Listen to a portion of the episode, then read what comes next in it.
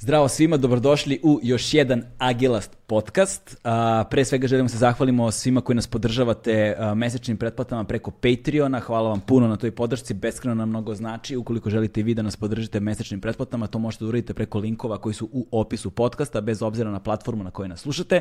Takođe želimo se zahvalimo svima koji nas podržavaju jednokratnim uplatama preko Paypala. Link za Paypal je takođe u opisu podcasta. I naravno želimo se zahvalimo našim partnerima, našim sponzorima, Dakle, pre svega želimo se zahvalimo dragim prijateljima iz Red Bulla, kao i uvek do sada, i želimo se zahvalimo a, našim prijateljima iz Volta. Kao što znate, Volt je sajt za kućnu dostavu, napravite profil na Voltu, iskoristite promo kod sa nazivom Agilast, to je imenom našeg podcasta, i ostvarujete 600 dinara popusta, ali koji su raspoređeni u prve tri poručbine po 200. Dakle, 600 dinara popusta sa promokodom Agilast na sajtu Volta. Linkovi su vam takođe u opisu a, ovog podcasta, a sada da pređemo na današnju epizodu. Čovek koji će sedeti preko puta mene danas a, je pa bezmalo je reći legenda ne samo uh, srpskog, već i jugoslovenskog, uh, tele, jugoslovenskog televizijskog programa čovek koji je više od 30 godina na televiziji, čovek koji je od sporta do naturalističkih dokumentaraca obeležio živote mnogih generacija, čovek koji se aktivno bori za zaštitu životne sredine, čovek koji se bori za oživljavanje sela u Srbiji, za život seljaka, čovjek koji nam približava prirodu na sasvim prirodan način. A, u pitanju je, verovatno već pretpostavljate, legendarni Jovan Memedović. Uživajte.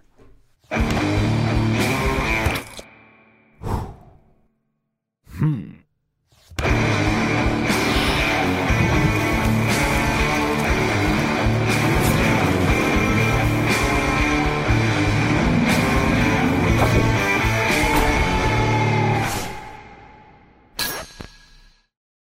Jovane, zdravo. Zdravo. Pre svega, a, hvala ti puno što si se odazvao o mojim pozivima. Množina je ovaj, u posredi, da ne krijemo. Bio sam dovoljno uporan yes. s jedne strane. Ovaj, druga stvar, dobrodošao u naš dom. Hvala ti puno na tome. Hvala ti puno na poverenju koje si nam ukazao. Ovaj, pošto znam da vrlo redko, skoro nikad ne daješ intervjue, posebno ne za druge medije i da si mnoge gledanije i komercijalnije i ovakve onakve odbijao u više navrata i tim pre um, ova privilegija je tim pre veća, tako da hvala ti zaista puno uh, na dolasku i na poverenju. Uh, ja ću umesto tebe da ispričam kako sam došao ovde. Reci slobodno. znači, Jovane, ja sam Galeb i tako dalje i tako dalje, tako bilo telefonom. Tako je, tako je, tako je. Nemoj, molim te sad, nešto sam u gužvi. A ja sam bio u svojoj Brnari gde provodim u poslednje vreme mnogo više vremena nego u Beogradu i onda gde sad idem u Beograd i da se sad ovaj, motam po gradu i opet neki intervju i tako dalje i tako dalje. I onda ovaj, si opet ponovio, tako? Na, tako je. Rekao si posle Božića. Jeste, posle Božića se čujemo i tako dalje i tako dalje. I ne znam, u, u nekoj varijanti sam negde osetio šta zapravo ti radiš i kako radiš. Pa smo se našli pre neki dan, pa tako pa smo je. popričali, pa sam rekao, ajde vidim, maš, i nisam pogrešio, ovaj, imaš neku tu, rekao bih, neku E, glupo reći pozitivnu vibraciju. Da, to, da, to da. Sad, izgledano, ali negde gde, sam te pronašao. Da. I tebe i sebe u ovom razgovoru. I onda je to to, tu sam. Ne, ovaj, ja sam pokušavao, tražio sam, dosta sam pregledavao, ovaj, uh, tražio sam tvoje intervjue u suštini da. i, ovaj, i pregledavao sam ono internet uzduž i popreko, što bi ljudi rekli. Zapravo nisam uspeo da nađem puno baš sadržajnih intervjua sa tobom. Uglavnom su intervjui koji su na tvojoj telematičnoj kući RTS-u, ovaj, u drugim formatima si gostao, uglavnom govoreći o svom formatu sasvim prirodno.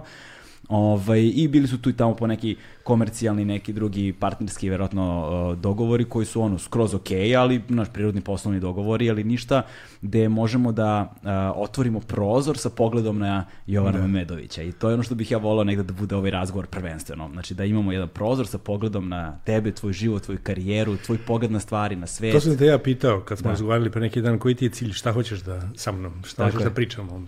A za sebe inače ne mislim da sam posebno interesantan u ovakvim stvarima, jer nemam neki, kako bih rekao, nisam u, u, u opticaju, ne pratim šta se dešava, da. politiku slabo uopšte i razumem Uh, uh, ne znam, kažem ti ja, neke aktuelnosti iz ovog ili onog sveta. Malo sam se udaljio od svega toga i nekom svom svetu sam. I sad ne znam, ti ako sad uh, okreneš da me pitaš a šta misliš vezano za ovo ili za ono, slabo ćemo se napričati. Da, da. I tu neće biti bog zna šta. Slabo ćemo se zaista napričati jer ja ne bih znao ni šta da te pitam u vezi sa time jer ni sam ne pratim Niti puno priče. Ne pratim puno aktuelnosti.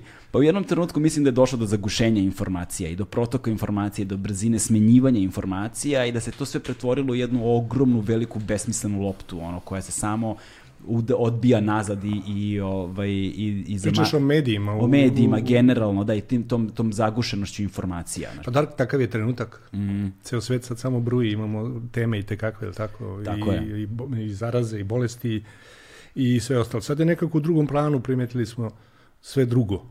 Politika dnevna, ova, međunarodna ili tako dalje, tako dalje. Svi se samo pričaju i vrte oko, oko virusa. I naravno ima raznoraznih uh, lupetanja, Da, zato da, što da. ljudi u stvari neće da priznaju, e, mi to ne znamo, ne Tako znamo je. čemu se tu radi. I niko da kaže, pa ne znamo, a moraju nešto da pričaju kao stručnjaci, a lupetaju, i onda se preklapaju. Meni Da. je sestra pre neki dan javila, kaže, one maske koje smo do sada nosili, one Da. hiruške, to se više, kaže, u Austriji više ne sme da se nosi. Sad samo mora ona što ima filter. Da, da, da, neka je- M95 ili Prošlo je sedam dana, ona meni kaže, došao čovjek, izašao na, Mhm. na, na televiziju državnu i rekao, ma kakvi, nema veze, ni ova nije, nije kao Da. ni ona, ništa posebno neće zaštititi, ili ću podjednake jedne i druge. Da, da, da. Tako da, ovaj, eto to, priča.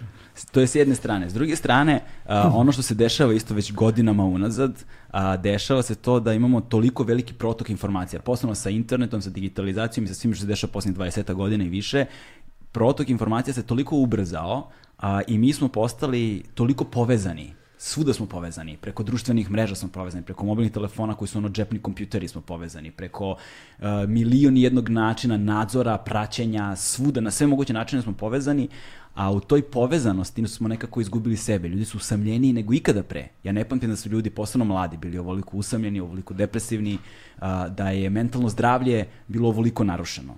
Znači, i onda kada nekako probaš da utišaš sav taj šum koji se proizvodi, a, shvatiš da je neko bekstvo neophodno. Znaš, da je, neko, da je neko bekstvo neophodno, da je potrebno okrenuti se nekim ono, drugim stvarima i pokušati da pronađeš nekakve druge prioritete u životu i to je ono što sam ja pre nekoliko godina u stvari probao da uradim, a sa svojim ono otkazom u formal, ono, u zvaničnim medijima pre jednu godinu, malo jače od godinu dana sam to zvanično i uradio i posvetio se ono porodici, ovome što radimo, prijateljima i gledamo što manje da budemo u Beogradu što je moguće.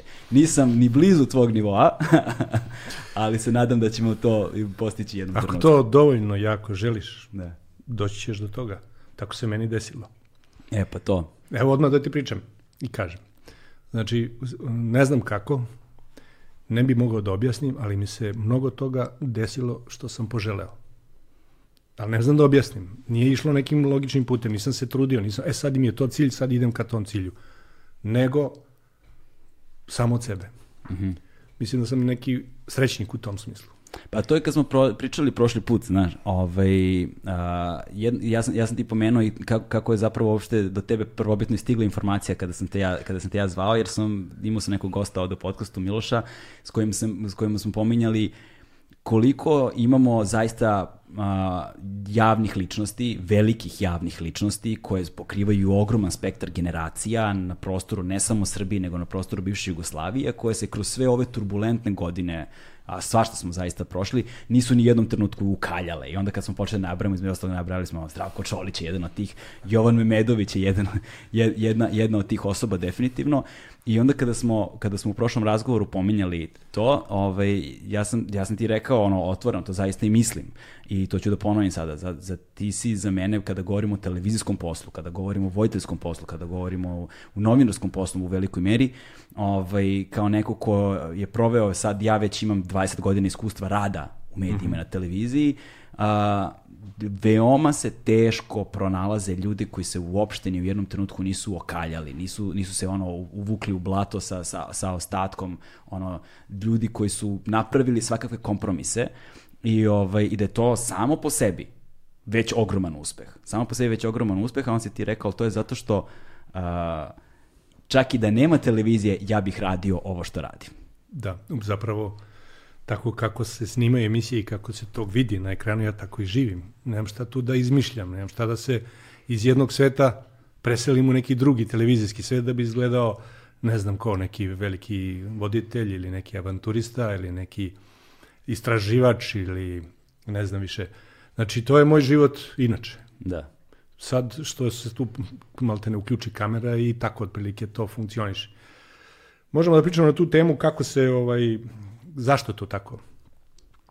Ja sam pokušavao u početku, kad sam se bavio, kad sam počeo da se bavim time profesionalnije, znači imaš ispred sebe format 27 minuta, toliko traje emisija, treba je osmisliti, napraviti neku šemu kako će to da izgleda, odeš na, na, na teren, radiš, vratiš se, postprodukcija i tako dalje. I puno, dešavalo mi se da sam to unapred recimo krojio. Znači sad ću da kažem ovo, sad ću sa čovekom da pričam i osmišljam neki scenar. I onda sam shvatio da to sve posle ne izgleda tako dobro. I onda tak, shvatio sam zašto se ja zapravo bavim sasvim prirodno. Bez tih priprema mnogo će mi bolje biti ta emisija. Da, da. Znači, nema priprema, nema pretarano striktnog scenarija. I stvari su, mogu da kažem, legle. A mogle da bude i obrnuto. Mogle da ide s one strane dobrog ukusa, da bude banalno, mogle da bude da izleću neke gluposti i tako dalje i tako dalje. Da. Što se dešava ljudima kada se napnu Da. kada hoće da napravi nešto, da izađe iz svoje kože i da bude nešto sasvim drugačije. Ali tu postoji problem, ono, zato što taj balans je veoma teško držati. S jedne strane, ukoliko su stvari previše utegnute, previše organizovane, previše zategnute, kao što kažeš, i ukoliko da. se oseti ta usiljenost, to, ne, to ljudi vide, to nije dobro. Da, ali ceo BBC-ev, uh, uh, kako bih rekao, kanon, kako se radi, mm. je takav. Unapred smišljen scenarij, unapred svaka najava I svaki sagovornik dobije šta će da odgovori, malte ne, on jeste, on će odgovoriti ono što, ali ga oni koriguju i kažu, ajmo, i ako nije dobra da, da. njegova rečenica u odgovoru, ponavlja se, i ponavlja se, i ponavlja se kao film. Da. I oni su doterali to tako. Ali se vidi, kao što sam kažeš, ima tu malo distance, je tako, između nas i njih gledamo program i vidimo da tu oni malo se nameštaju, da to sve izgleda dobro, da njegova najava, kad je završio najavu, onda se okrenuo na drugom stranu i kao gleda sad negde u daljinu i tako da. Sve se to vidi da, to, da je to dogovoreno, da unapred smišljeno. Mi smo, zapravo bila moja ideja, ajde da napravimo preživljavanje u Srbiji po uzoru na Bear Grillsa kako on to da, da. radi u prirodi. I sad sednemo nas dvoje, troje. Um, znači, ko, ja ću, ko, ko sve? Tu je bio moj drugar Trifke, tako ga zovem, Trifunović ovaj, koji mi je kao neku ruku, kao neki konsiljera, što bi rekli, mm. savjetnik. Ali on se pojavi kada završimo emisiju, onda on gleda i onda on kaže, vidi, ovo, ovo se baš ne razume šta ste da kažeš, ili kaže, objasni mi, pošto nisam bio tamo na terenu. Znaš. I to je vrlo, vrlo korisno, dragoceno i zlatno da ti se neko pojavi kad si završio emisiju i da gleda i da ti daje sugestije i tek onda da to ide u, u program. I onda smo razmišljali kako ćemo odraditi emisiju kao preživljavanje u Srbiji i uzeli taj jedan, jedan od tih njegovih epizoda i shvatili da je to sve unapred, sve odogovoreno. Da. Svaka reč, svaka scena, da. sve je izrežirano i sad samo oni rade kao film. To da. nije dokumentarna forma kao, e, idemo pa šta se dogodi. Ne, nego sve unapred smišljeno, dogovoreno, urađeno i tako da, ogroman tim i tako da, i tako da. Ovo što mi radimo je drugačije, ovo je više na instinkt, na pa da, budem, pa da vidimo šta će biti. Da. S tim što sam i tu pronašao neke, ajde da kažem, neke zanatske, ovaj, neke alat koji mi koristi jako, a to su sve samo stvari koje sam došao iskustvom. Tipa, ako dolazim kod čoveka i hoću da, ga, da se s njim popričam, moram to da odmah i snimim. Ne mogu prvo da se upoznam, rukujem, e, ajmo sad da snimamo. Da, da, da. Ajmo sad ponovo se upoznamo i to, znaš, kao ispred, nego iz prve e onda je to to. I, i, i to nekako, i to je sasvim prirodno, zato pa da. to tako izgleda. Da, tako da ime sad zapravo ima još jedno novo značenje koje nisam zapravo ni razmišljao. Bukvalno tako. Da, sasvim prirodno. Jeste. Ali ja sam recimo, snimao sam puno takvih stvari, ali uvek je to bilo nešto što mi je s jedne strane smetalo, ali s druge strane na snimku se ispostavljalo dosta dobro Uh, imao sam zapravo obrnuto iskustvo. Kada nekoga prvo upoznamo, vrlo često su ljudi recimo imaju veliku tremu, na primer, ili uh, nisu baš dobri pred kamerom, nemaju puno iskustva u govor, u obraćanju nekoj da. široj javnosti, sa svešću o široj javnosti nekakvoj. I onda kad god smo dolazili sa kamerom da kao zaista prirodan taj trenutak bude, vrlo često tu bude nekih nespretnosti, vrlo često bude tu nekih stvari koje možda ne prođu baš najbolje. Pa šta radite onda? Snimimo ponovo, znaš, i onda sad... E, Ili to drugo što snimite je bolje nego ovo prvo? Nekad bude bolje, nekad bude lošije. Na, nema, nema jasnih pravila, to hoću da kažem. Znaš, s druge strane, isto tako mi se dešavalo kada uđemo previše u slobodan stil, ono, da vidimo da. što će bude, da i to nekad može bude razvodnjeno. Zavisi puno od likova koje imaš, zavisi puno od karaktera sa kojima razgovaraš. Nekad su oni, vrlo često su zapravo oni nosioci tog razgovora, barem bi trebalo da budu. Otprilike ovako to izgleda. Znači, ja sad pričam s tobom, ti si moj sagovornik. Najčešće je to situacija negde seoska sredina, pa pričamo šta se desilo i tako dalje, tako dalje. I sad on zna da je sniman, da se snima. I sad on pokušava sad tu da se malo i namesti, pa malo gutak nedlu, pa ovo, i ja mu kažem, dobro, ajde, nastavit ćemo to, nego mi reci bogati šta je sad ovo. A u ovome mom kažem samo ovako, on ne prestaje da snima. I to je poenta cele priče. Nema prestajanja. I onda on to sporedno počne da priča, ja ga vratim na onu priču i onda on, ma dobre, Vidiš ti kako je to meni, on meni rekao ovako, i tu sam ja, i tu da, dobiješ da, da, priču. Da, da, da, da, da, I tu dobiješ priču. Kad on to otprilike izgubi kontakt, da li ga snimamo ili ne snimamo. I druga stvar je što su to bubice, ti si na 10 metara i sad on baš nije siguran. Pričamo o našem narodu. Jasno. To je naš mentalitet. To je ono što smo pričali pre neki dan. Naš narod baš i ne voli da izađe na javnu scenu i da se pojavi na, na ekranu i sad će on nešto da kaže. Evo idi sada sa mikrofonom po ulici da napriš anketu bilo čemu. Nemoj mene, tako će da, da bude 80%, da, da. je tako? Tako je. Tako skloni se kao. Da, da. I to ako imaš sreće. e, takvi smo. I sad sa takvim narodom treba znati, treba. Drugačije je sasvim priča kad odeš u zapadni svet da ne pričam Americi, u Americi, Engleskoj, tako da jedva čekaju kad vide kameru. E, mogu ja da kažem, o čemu se tu radi? Da, da, da. da. Priđe sam. Za njih je to prilika. da, prilika. Da, za nas je neprilika. A beži od ovog, nemoj samo da me neko snimi, šta sad, sad treba nešto da pričam. Skoro sam bio, zadnja iskustva. Irska? Ne, ovo je bilo negde na, pre 15 dana, 10 dana na Pešterskoj visoravni. I sad ja dogovorim, idem kod porodica da snimim malo kako sneg, uvek ista maltene tema kako preživljavaju u, u, u, najgorim da kažem vremenskim uslovima u ovoj zemlji i sad dogovoram s drugarom gde bi išli a on mi kaže, tamo je interesantno, ali kaže, neće da pričaju. Što? Pa kad ne umiju, kaže, da, da kažu sami, kaže, ne umijem ja da pričam. I aj sad, ne umijem da pričam, odnosno kao, eto, beg, ne, defanziva. Da. I? I ništa, onda idem kod ovih koji umiju. A ove zaobiđemo. I, I tako dobijemo dobre priče. A koliko si dobrih priča, na primjer, izgubio zbog tih koji ne umeju ili ne žele da govore? Znaš, da li si nekad imao baš ono dobru priču, vidi priču, ali ne možeš čoveka da dobiješ? Ne, jedino, jedino to se dešava, naravno, da mi ipak moramo kameru ugasiti, ne možda 24 sata koliko sam na terenu, da ona radi, da snimi da. čoveka. Jer on ima, mi mu damo bubicu, ja imam bubicu i sad mi pričamo. Ima tu posle i sati i sati materijala koje treba kasnije složiti. I neki puta se desi da se ne snimi, a on kaže pravu stvar. Da, da. Što da. mi baš treba, koja će tačno da zatvori celu priču koju sam ja u, u uvodu napravio i zamislio. I onda ja kažem, aha, a šta si ono, sad, pošto ovaj nije snimio, ajde ponovo snima, šta si ono hteo da kažeš ono vezano, pa dobro, to se, i opet to nije to. I stalno tako. To se redovno dešava. Da. Da, da, i taj, taj iskustvo su mi isto poznata, ali tad isto ne pokušavaš da kao, e, ajde sad ponovi bukvalno ovo što si rekao, ne, ni, ni tad ne istupaš. Pa ne, ja kažem, ono što si misli, šta si ono što smo pričali, u tom smislu, da. pokušam da ga vratim sad ponovo, ali Da, sad tu dolazimo, do, sad tu dolazimo malo i do pitanja produkcije opet, ovaj, koje sam planirao nešto kasnije, ali nema veze, uh, jer šta sam ja primetio, kada odlazimo tako, posebno u ruralnim sredinama, da razgovaramo sa ljudima, kada se pojavi velika ekipa, to deluje baš zastrašujuće. Znaš, kad dođe tonac koji ima i onaj booms, ono, mikrofon sa sobom, kad vide to, dozgo pa dođe neko sa rasvetom, pa onda svetla, pa kamera, pa još ako su dve kamere, pa dođe to bolumenta, ljudi ti dođe na vrata, ljudi se prepadnu. I onda bude mnogo bolja, ali bude produkcijska vrednost dosta niža, ali bude mnogo bolja priča u suštini kada dođeš sa tom ono, kako kažu to Ameri, skeleton crew.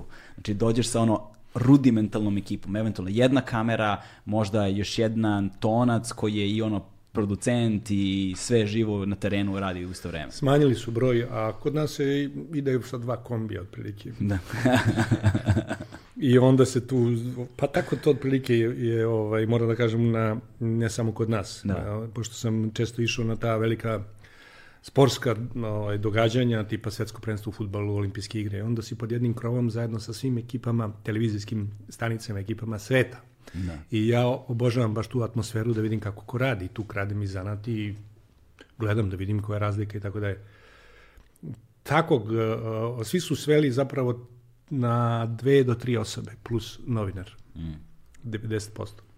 Jedino BBC i još par američkih televizija rade sa ozbiljnom tehnikom koju vuku kolicima. Da, svi da. ostali rade sa malim kamerama, sad već svi rade sa aparatima, Da, da, da. fotoaparatima.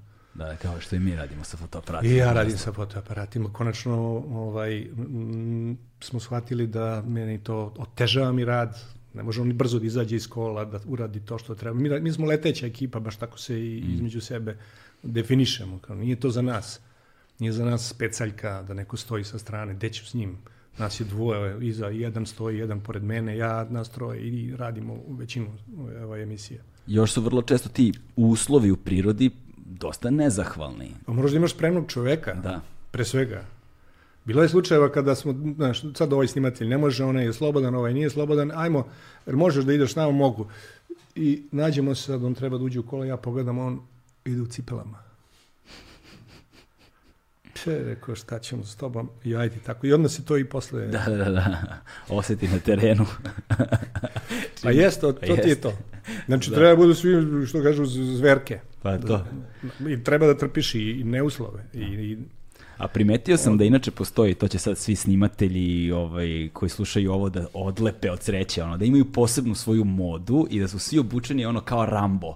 Znači, prepoznaš snimatelja na terenu, svi imaju one uh, Gore-Texe, neke ono, jakne od 1000 evra, preozbiljnu obuću, spremaju se kao da li je ratna uslove, da li će u džunglu, da li će, ono, znaš, snima prilog. Ovde po gradu. da, ovde po gradu, ali obučeni su spremni za svaku situaciju, znaš, jedan poziv menja sve. Ma oblačenje smo mi apsolvirali odavno što se tiče toga, zato što si na terenu, što si po ceo dan napolje. Onda kola, opremu, e, šta nam sve treba i tako dalje. Ono što ne možeš nikako, i bar ja ne mogu da apsolviram, to je noćenje.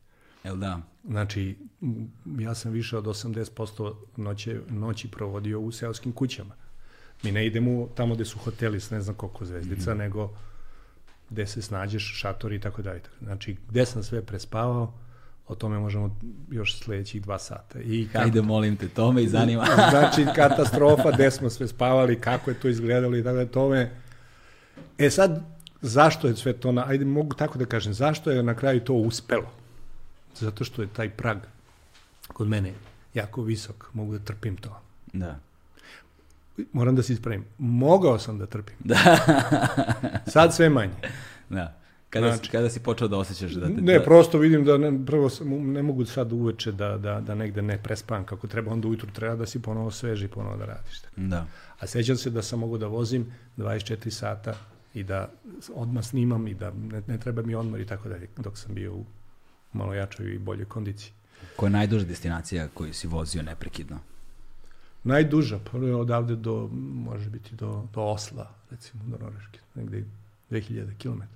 Bez, pre, bez pauze. Pa dobro, malo na smenu, ali bez spavanja. Bez spavanja, Da, bez da. spavanja, da. To je maratonski Pa film. dobro, bilo je toga, bilo je vožnje raznoraznih i raznim sredstvima i tako dalje, i tako dalje. E, ali primetio sam takođe još jednu stvar, e, gledajući i tvoje priloge i čitajući o tebi, da zapravo a, skoro nikad ili vrlo redko, da ne grešim dušu, ovaj, se krećeš u toplijim krajevima. Kod tebe su Da. uglavnom ono, i, znaš, sever, planina, brda, zima, to je. Pa ja ovde, ja ovde juli mesec ne radim. Ja ne mogu da izdržim temperature preko 20 stepeni, 25 već ne mogu da radim. Takav sam tip, mogu da trpim hladnoće, ali toplote je jako teško. To mi je najveći napor kad dođe, ne znam, ta temperatura slučajno ranije, već Mm. negde kraj maja, početak juna, a mi već dogovorili neka snimanja i onda po toj vrućini nemam volje, nemam, nemam en- energije. A kad je zima, mogu ceo dan da radim. Da, I onda te vjerojatno privlači takvi krajevi i Pa zato prođeš. sam gurao non stop taj sever, stalno sam išao gore i tako dalje. Par puta sam bio i dole u Africi, i jednom sam bio u Africi i bio sam možda Španije, Portugalije i tako dalje, da kažem južnije. Da. Ali u zimskom periodu. Ne, bilo je, bilo je baš ono vrelo i sve ostalo, ali nemam inspiraciju uopšte za... Da. za Jer ja znam ovo Norveška, ovo sad Irska, Sibir, Severni pol, nešto sve Pa su. da, i pa bio na Grenlandu, na Grenland. Islandu, na Svalbardu, Dene. Na to je jedan, jedan, jedan deo razgovora koji bih u potpunosti posvetio upravo tim putovanjima i iskustvima sa tih putovanja, posebno zato što vrlo verovatno je format emisije od 27 minuta je dosta kratak za sve ono što se tamo doživi. Verovatno je ono autocenzura, odnosno izbacivanje materijala se dešava samo Pa, tako. mi to u nastavcima onda odradimo, Da, da, da, tako da se mm, redko kada odreknemo nešto što, nečeg što je, što je, što je snimljeno. Ali je, nije baš najsrećnija ta, ta minutaža 27 Mm. minuta. Jer kad ti ovaj, hoćeš nešto da kažeš, tebi treba za uvod 5-6 minuta, treba da razradiš tu priču i treba da zaključiš. Nek, često mi se dešava da, da sve to uradim, ali nije za 27, nego je za 40 Mhm. za 45. I onda zapravo, kad pogledaš i uopšte svetske formate tih emisija, redko koja je dokumentarna ide na 27. Da, da, Svi da. su na 53, 55, 50, Recimo to. 50 do... Znači, to je taj format da se uradi kako treba. Da. A šta znači da se uradi kako treba? Sad mi kao ovde držimo predavanja kako se to radi. Da, da. Možda nismo mi ni ovaj prispeli, nismo mi sebe kvalifikovali da možda kažemo ljudima kako se to radi. Ovaj, kako se rade emisije ili kako se uopšte to radi. Definitivno, kad god hoćeš nešto da uradiš, prvo treba da imaš, kao što sam te ja pitao, šta, koji ti je cilj, šta hoćemo ja i ti da pričamo, šta je tema. Kad tu imaš jasan cilj ili jasnu temu i, i ono što kažu, gađaš u metu, onda sve ostalo ispred lakše. Da. Čim je nemaš, onda lutaš ili si rasplinut ili kako već. Moja prijateljica, dobra i koleginica, ovaj, producentkinja, ima običaj da kaže BBC je napravio dokumentarac o istoriji sveta koji traje 45 minuta, možeš ti svoju priču vala da ispričaš za kraće. ali, tu, ali tu dolazimo do njihovih scenarija, tu dolazimo do njihovih ono, scenarista, dramaturga, producenata, do tog njihov, njihov skeleton kruje 200 ljudi, ona šta preterujem naravno, i budžeti su im praktično neograničeni. Dakle, mnogo se razlikuju Oni stvari kad se... trenutno oni nemaju, oni imaju problem ovaj tema, a nemaju problem para. Da. To znam, sveža informacija. I onda kako dolaze do teme? Pa odu na koje kakve univerzitete i pronađe eksperta za jednu oblast. Mm. Šta god da je. Da li je geografija, priroda, biologija, društvo, sve. I onda njega uhvate i izbrifuju ga da bude i voditelj i da bude i ekspert i onda dobiju to što treba. Da, da, dobiju kontekst ono popularnog i naučnog. Pa dobiju temu. Dobiju on čovjek temu. ima temu, to su njegove svakodnevne stvari koje on ovaj, apsolvira. Oni svi naravno pristanu jer je ta platforma najveća moguća. I, i veliki je novac i tako dalje, tako dalje. Da. I onda oni ti profesori sa, se često ih viđaš tamo Mm. po, po tim Discovery ili ono samo. Oni su na kratko, ali i njihova tema. Da. Ove, još jedna stvar, uh, sad, pošto smo već skrenuli malo, ovaj, uh, ali ćemo se vratiti naravno, jeste um, uh, tvoje prisustvo ovde je na jedan način takođe i veoma važna generacijska stvar. Ovaj, za, na, za moju generaciju i negde za mlađe generacije, posebno u ovakvom jednom formatu, koji je nov, ovo je trenutno najnoviji medijski format i najbrže rastući medijski format na svetu. Ovaj, kao što sam ti rekao, u 2020. godini od, od, od skoro stotinu miliona aktivnih podcasta na planeti, više od polovine nastalo prošle godine. Tako da je zaista eksponencijalno veliki rast i ovde sve više i više domaćih podcasta ima. Ovaj, tradicionalni mediji i podcast zajednica još uvek nisu našli baš pravi zajednički jezik, ali je sve otvorenije, sve se više prihvata i sve više tradicionalnih medija zapravo pravi svoje podcast platforme, uglavnom web novinarstvo, we- web mediji, ali kreću sada i televizijski mediji to da rade. Ovaj, i, a ti zapravo pokrivaš toliko generacija a, istovremeno i hoću da kažem, znaš, ja se sećam tebe kad sam ja bio klinac, znaš, ti si, ti, kad si ti počeo da radiš, koje je to bilo, 86. Kad si počeo ti radiš na Šta hoćeš da mi kažeš sad, da sam već u, des, u dobrim godinama. Ne, ne, ne, ne, kad ne, si ne. ti Ne, ne, radio, ja sam bio klinac.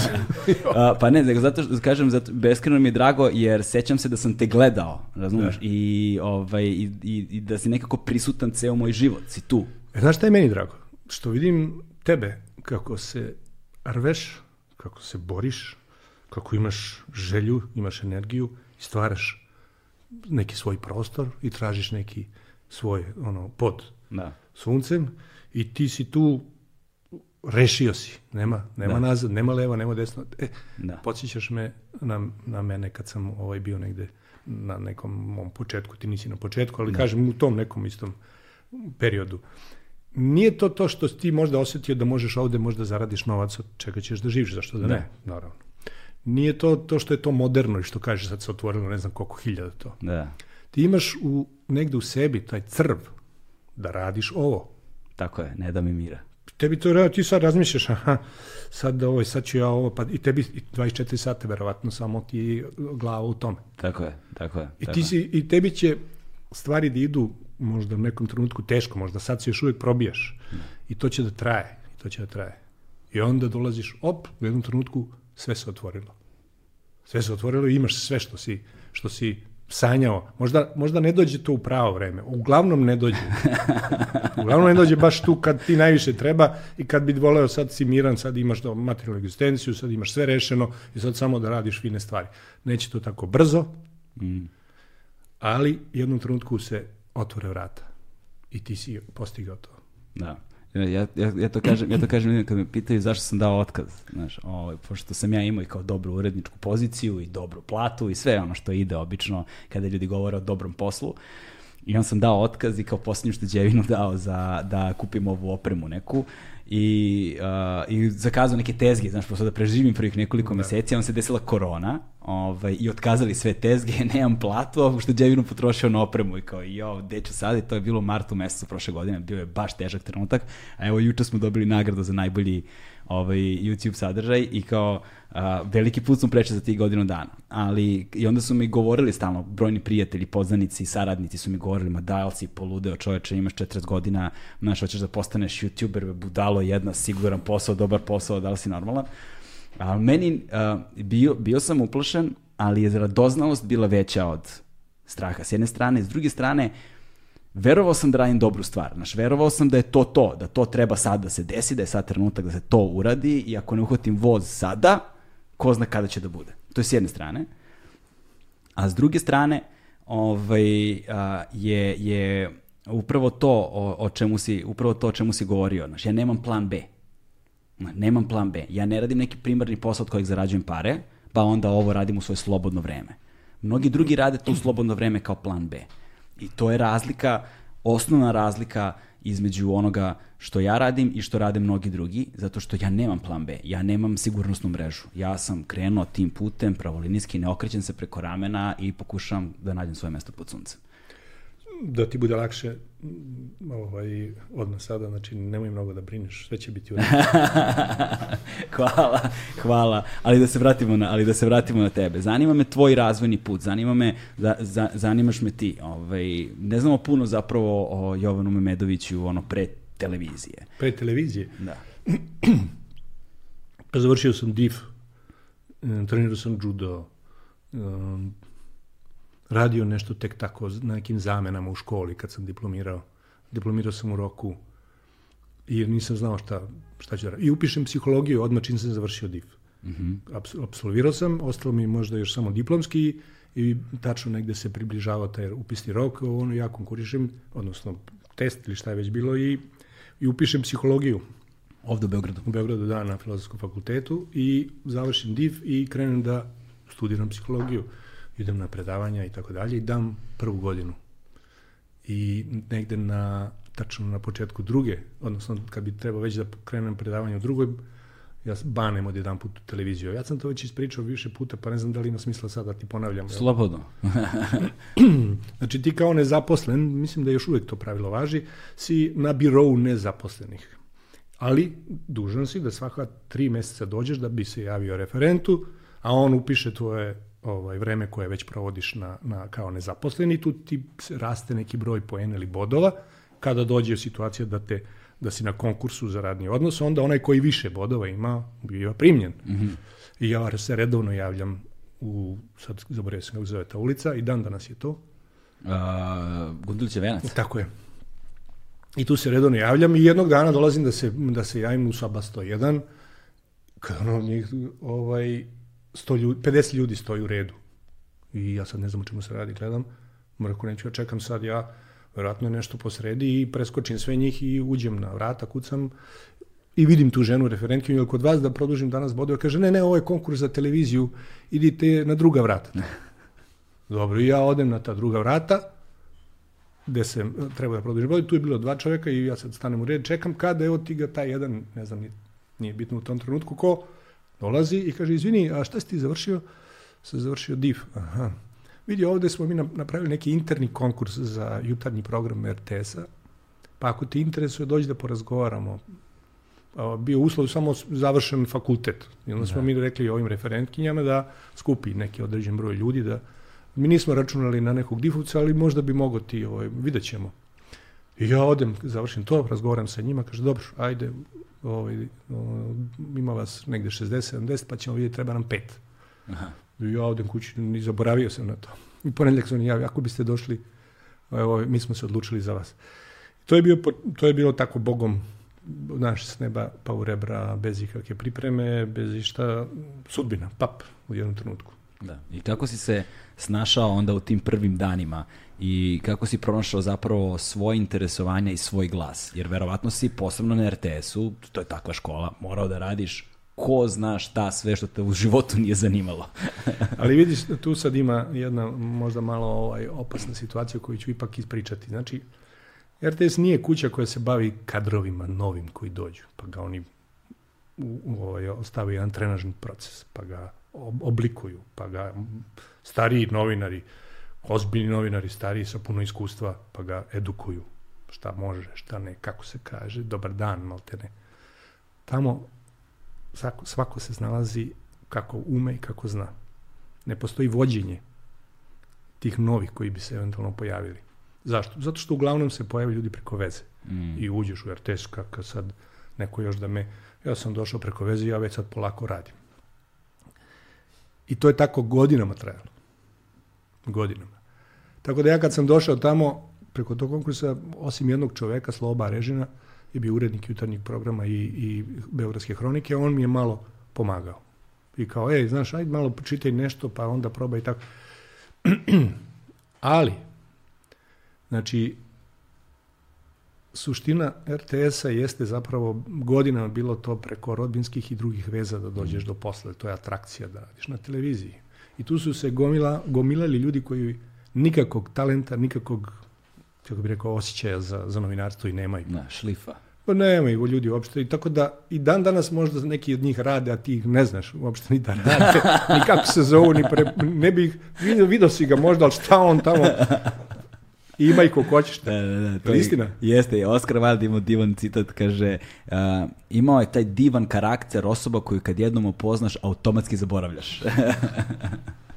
Tako da sad zamisli da radiš na televiziji mm. i novinar si i ljudi ti uopšte ne znaju ko si. Da.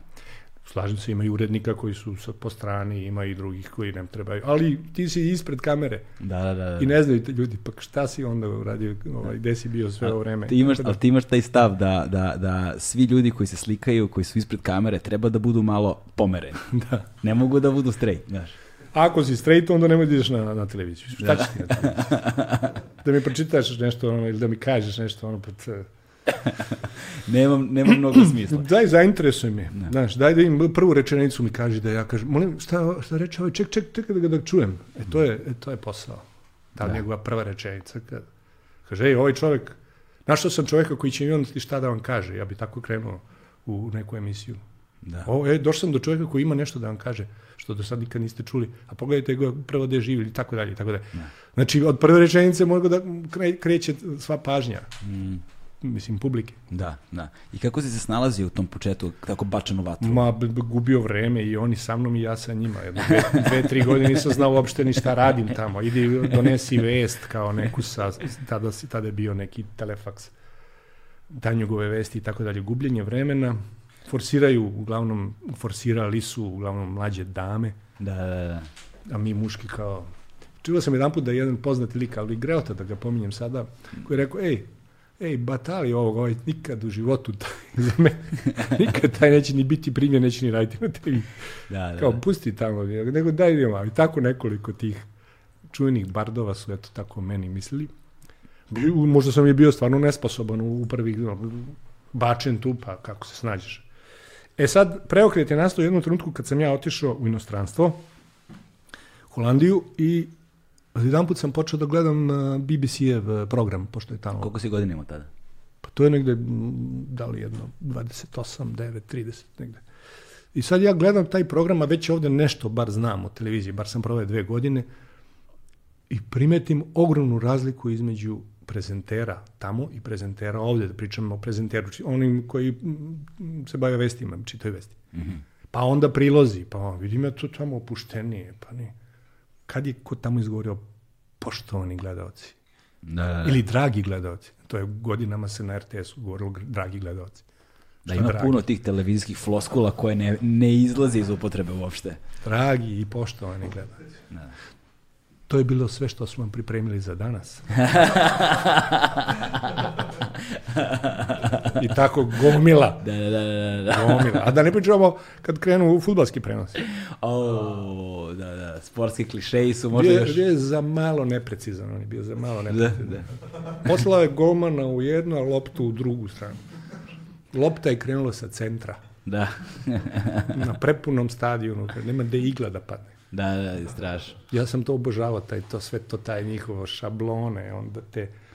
Jedan put sam tražio, dajte mi da napravim za novu godinu, pošto je opuštena atmosfera, da napravim izveštaj ja sa utakmice. Ajde, kaže, pa kako? Pa kažem, sve da kažem, samo da ne pričam o golovima.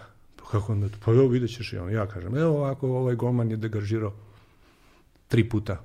I sad imamo on tap, tap, izmontiramo, pa, pa, pa. I sve, ali go, i na kraju, kad se završio taj izveštaj, nije bilo, e da, bilo je 3-2. Da. To radi da, da. Moramo da damo rezultat ipak na kraju, da. Ali se nije ni vidio golovi sad, ako je ko razume da sam se ja tu zapravo šalio. To je ono što smo rekli pomerenost, Mm. iščašenost, pa da vidimo i još ti televizijski alati, ako, imaš, ako ih imaš u rukama, ako znaš kako da ih koristiš, možeš čudo da napraviš na televiziji. Televizija je čudo. To su jedino ovde shvatili kod nas političari. I oni, oni daju vamo televiziju i završen posao.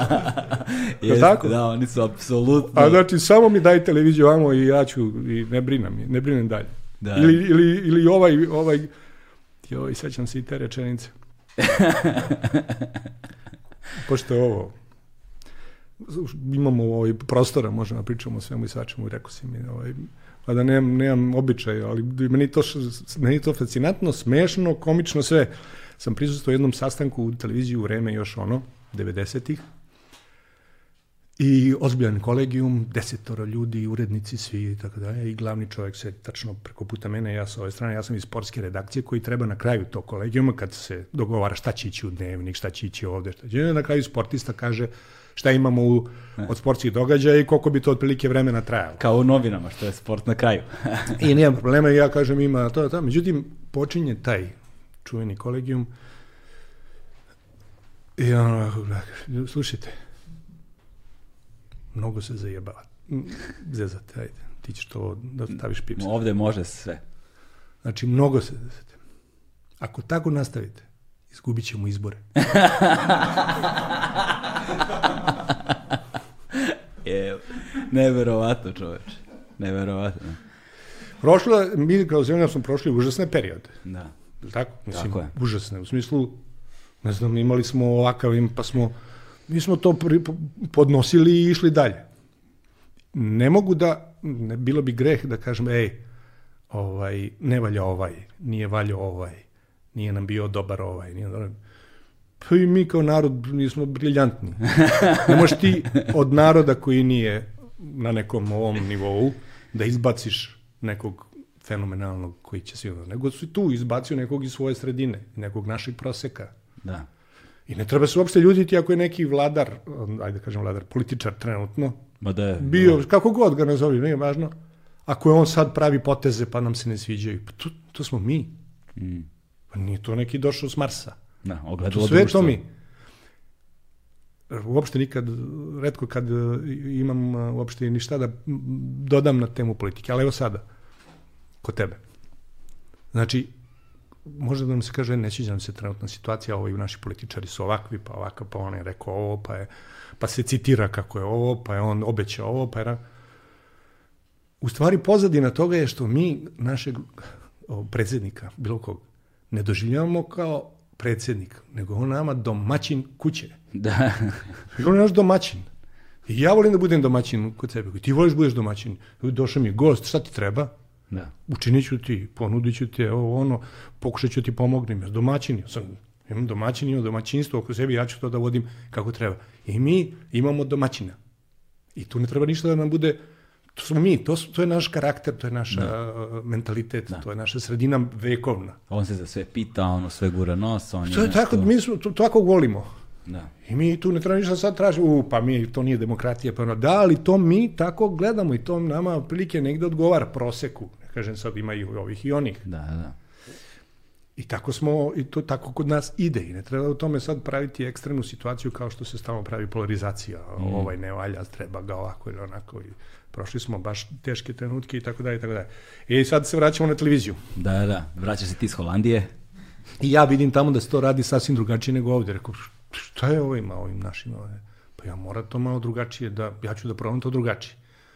I kako sam ja počeo malo više, da se sve više opuštam, ja računam, pa ko to gleda u jutarnjim programu? Sve da, evo, ga, ajde malo ovo, malo ono. ono najgledaniji program. Ne je bio tada i sad svakojake situacije i tako dalje. I onda sam imao jedan put, sećam se jednu olovku i kažem, ovo je ovaj, sad koja je bila tema, ne mogu da se setim, ali sam rekao onoj tamo asistentkinji koji stoji pored kamermana, pored, rekao ja ću da ti bacim olovku, ali da mi je vratiš. I sad ja objašnjavam nešto tamo. I kad stvari krenu naopako, najbolje ja i bacim olovku u ovom stranu. I ako ste dobro prošli, dobro. Ako ne, ona dolazi ovako, a ne, vratit će vam se isto. I tako, par Da, puta da. sam koristio te, palo mi na pamet i, i imao sam i tih izleta i tako da. I stalno sam misleći, ma ja ću to zarad sebe i svog zadovoljstva da, da pravim sebi show program. Na kraju se sve to, eto, tako vremenom je Mogu, opet da kažem, mogu sam da ispadnem i budala. Da, da, da, mogu jasno. to sve da bude neukusno. Ali to jeste fora zapravo sa rizikom. A, a, oni koji ne rizikuju ne mogu ni da dobiju. Oni koji rizikuju, zato se zove rizik. Mogu da dobiju, ali mogu i da ispadnu budale. Znaš. Stupaš na nepoznat teren gde niko nije bio pre tebe i ti ne možeš da znaš. Nemaš nacrt na osnovu kojeg uh, Ja reguliš. sam, ja sam prosto sam osetio da to kako se kod nas radi nije to to. Da, Da ono što sam tamo video, je to je to. da. To mi prija da vidim, to mi prija, to sam čuo, razumeo, jasno mi je šta mi je hteo da mi kaže, a do ovde sasvim druga neka priča. I onda sam se oslobodio. Imao sam kao neki uzor, aha, tako treba, i počeo tako da Ko ti je bio uzor na BBC-u? Pravo ti kažem, ne mogu se setim sad imena, ali sam gledao njihov jutarnji program nenormalno. Ali ja sam do te mere bio zaluđen da sam ja i pisao. Ostavim papir, krenem jutarnji program, dobro, znači generalna najava, ta, ta, ta, onda ide otprilike koliko mu traje najava, koliko traje prilog, koliko traje odjava. Mm. Kod nas nema odjava. Kod nas ima, e, iz sveta kulture idemo u svet sporta sada. To je odjava. Da, Ili da. kad imaš neku dobru priču, pa se završila neki dobar prilog, pa ti kao voditelj treba da kažeš aha, i, i da, da osmisliš, ako nisi imao vremena ili da u trenutku odreaguješ i kažeš joj kako je ovo bila dobra priča. To ne možeš da čuješ na RTS-u, ni, ni na jednoj televiziji ne može. Da, Tako? Tako je, da, apsolutno. Nema reakcije tačno. voditelja u, u koji Apsolutno. vodi jutarnji program ili bilo koji. Jutarnji je često ovaj, eh, često uzimam za primjer zato što on je malo drugačiji, nije, nisu vesti Da. od 7 ili od 8. Znači, nema taj format, nego ima malo i show programa, malo zabave, malo svega. Znači, znači voditelj treba da bude voditelj i da, Da. se nasmeje i da kaže jao pa ovo, da bude čovek, brate. Da, da, da. A ne da mi tu glumiš sada si ustegnuti kao, e, hvala, idemo sledeći prvi i tako dalje. Da, to, ono što je veliki problem u vezi sa voditeljskim poslom kod nas, A, prvo što su, jel te, svakakvi su dobijali te pozicije i onda smo kreirali s jedne strane takav ambijent i takvu atmosferu, ali smo ono, ono što je još veći problem kreirali takvu sliku u, u, u svesti publike. Da to tako treba. Da to tako to, treba. To normalno. Da, da, da je to normalno. I, ovaj, i onda je problem što a, se ne investira u voditelje što se a, ne bavimo ozbiljnije voditeljima i što je voditelj kao koncept. Zbog toga je meni isto, to, to je ono što sam takođe hteo kažem, beskreno drago zašto si ti ovde danas. I za, zato što si ti bio, uspeo da bio i ostao pravi voditelj, ono čistokrvni Pa čistokrvna, čistokrvna vizija voditelja. Pazi, znaš. voditelj. Jer voditelj, vo- izvini, voditelji kod nas su izgubili i poštovanje u velikoj meri. To je sad skoro postao pa pežorativni, pejorativni, kako god hoće neko e, termin. Da. Znaš, pogrdan termin, voditelj, voditeljka. Znaš, to sad već, ono, ne nosi, prestalo je da nosi težinu, baš zbog toga što imamo plejadu koje kakvih likova koji se već godinama unazad pojavljuju po razno raznim televizijama, 99% njih više ni ne pamtimo ko je bio 2013. godine ili 2007. ili 98. godine, do, do kraja 90-ih i nije bilo toliko, ta ekspanzija se desila posle 2000. godine. Znaš, ti si nekako uspeo kroz sve to da prođeš, Znaš ko, to je jedini ale, pokojni Tijanić imao o, to, da, da, te, da, da, da ti ostavi da budeš voditelj. I on je probrao, ti ćeš raditi to, i on je imao za to osjećaj i imao je nekakav, kako bi rekao, znao je komu treba, komu ne treba. da. I tu nije mnogo grešio. Mm. Ali treba da si, treba da si televizijski čovjek, zaista. Da On je si baš bio televizijski čovjek. televizijski da. čovjek da bi ti mogu televiziji, da, da. Da. vodiš Da. televiziju. Odmah da stavimo ovako ograde. O Tijaniću možemo da kažemo svašta i različite stvari. Sad kad stavimo sve to po strani, zanatski posmatrano, taj čovjek je bio majstor televizije. Pa ne samo to, nego majstor uh, prepoznavanja karaktera ljudi. Mm. A to je jako važno u televiziji. Uh, puno sam razgovarao sa ljudima, sa strancima koji radi po televizijama, m, engleskim, uh, američkim i tako dalje i tako dalje. Ljudi, ono što si ti malo čas m, samo počeo, oni se bave karakterom čoveka koji je na programu. Bilo da je voditelj, autor, šta god. Oni se bave njime. Da. Oni ga formiraju, oni mu daju, kako bi rekao, gaje ga, oškoluju ga, neguju ga, jer on je voditelj. Pa oko njega se sve vrti. Da. Ovo može da kupi svako. Tako i kameru. Tako je. Ko će da stane ispred? I šta će taj, kako će taj da, da, da kaže? I da li će biti prihvaćen? On nosi gledanost, ne nosi kamera. Tako je. Niti ne znam kako je velelepni studio. On je gledanost. Jesi, to je, dosta je tragično kada se vidi ugložen ogroman novac koji do, podiže produkcijsku vrednost, a onda ljudi koji ti iznose to, Pa nisi uložio u njih. tako je, nisi uložio. Dopali su ti, imaš ih već tu, nemaš neke bolje izbor. Nisi ga poslao da ga odškoluješ u, u raji, Da. što se ranije i dešavalo pre ne znam koliko godina, bilo je toga. E vidiš, to je još jedna stvar veoma važna koja nije pomogla celokupnoj situaciji. Kada su shvatili da nemaju shvatili, sad govorim kao da postoji jedan određeni entitet, generalno kao mentalni sklop je bio takav stav i možda i negde i dan danas. U traženju voditelja niko nije želeo da odigra ono, da, da povuče dugoročni potez. Znači da nađe nekoga pa da onda investira u tu osobu pre svega vreme i trud da je izgradi da kroz 5, 6, 7, 8 godina bude neko ko će posle ceo život da ti da. A ko da ga nauči, ko da ga vodi? I to, i to stoji, tako je. Da, I to stoji. A onda hoće da imu prečicom da nađu nekoga ko već ima i stav, i reputaciju, i prepoznatljivost, i onda šta urade, uzmu glumce za voditelje. Da, da, da. Taj trend uzimanja glumaca za Pa voditelje. nemoj bolje, nemoj se ljutiti, nemoj bolje. Nemoj bolje. Pa da, i to što kaže. Nemoj bolje. Nažalost, da. ali glumac nije vojitelj, vojitelj nije glumac. I, i, i, i, i onda se tu negde i banalizuje sam zanat, sama veština, sam posao. Se banalizuje zato što se onda stiče utisak da svako koji je iole artikulisana osoba ili lepa osoba može to da radi. A to prosto nije istina.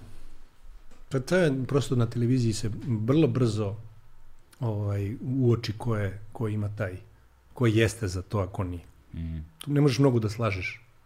To ono što smo pričali, koliko ja već tu dugo godina radim, pa ja radim, brate, tako bi radio i bez kamere, jel tako, otprilike bi tako živeo. Interesuju me te stvari, ne mogu da se napnem sada da sad ja, ja koju temu, šta, kako meni to nekako blisko Da. godinama. To sam želeo, to sam volio i tu sam ostao. Nije problem. Nije problem trajati kad si Da. tu gde se osjećaš dobro, da je to tvoje Da. tema. E, ali s druge strane, postoji još jedno nešto, pardon, to je da e, ja sam strašno, meni je užasno mi je bilo što kada sam radio, godinama sam radio u beznačajno malim medijima, sad da se ispravim, znači nisu beznačajno mali, ali iz ugla ovoga o čemu govorimo. Hvala im puno što su bili tu i što su mi da, pružili platformu, hvala svim ljudima koji su sarađivali sa mnom da me ne shvati neko pogrešno. Hoću kažem, zaista mali medijima koji nisu imali veliki doseg.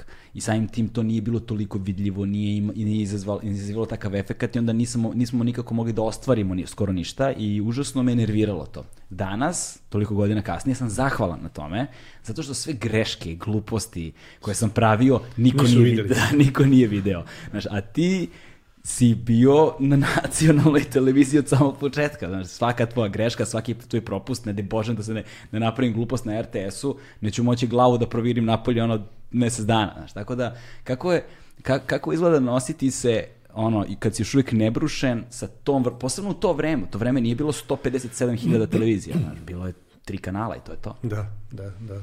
Pa trebalo, znaš šta, kažem, uh, 80% ljudi koji su tada radili su bili, što bi danas rekli, čisti naturčici, znači, Ne. znači on sam misli da treba tako da radi. I tu je bilo svega i svačega. Urednik je taj koji treba stvari da uh, oblikuje, da dovede do, do nekog norma. E sad, da li urednik zainteresovan za tebe, mladog, da ti kaže, vidi ovaj momak je dobar, ajde s njim da radimo. Daj mu malo da radi on, pa ga kad uradi, pa ga dovedi da pogleda to što je uradio, pa analizirajte i tako dalje. To, znam, ko će to da radi? Kad? Gde?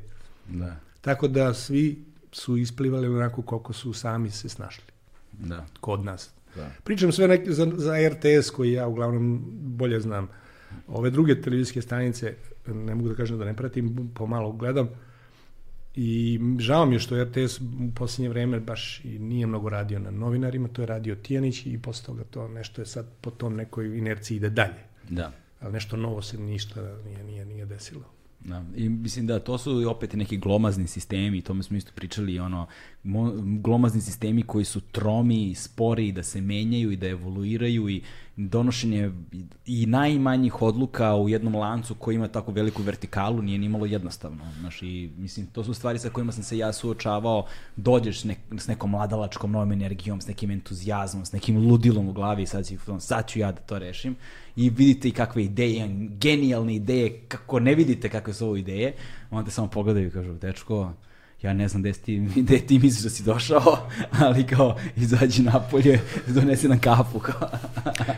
E, ta, tako sam ja razmišljao, rekao, vidi, ovaj, niko mene ne gura, nemam nikoga, slučajno sam došao ovde, svi nekog, nekog tu protežiraju, Da. stavljaju ga da vodi program, pa se trude oko toga i tako dalje.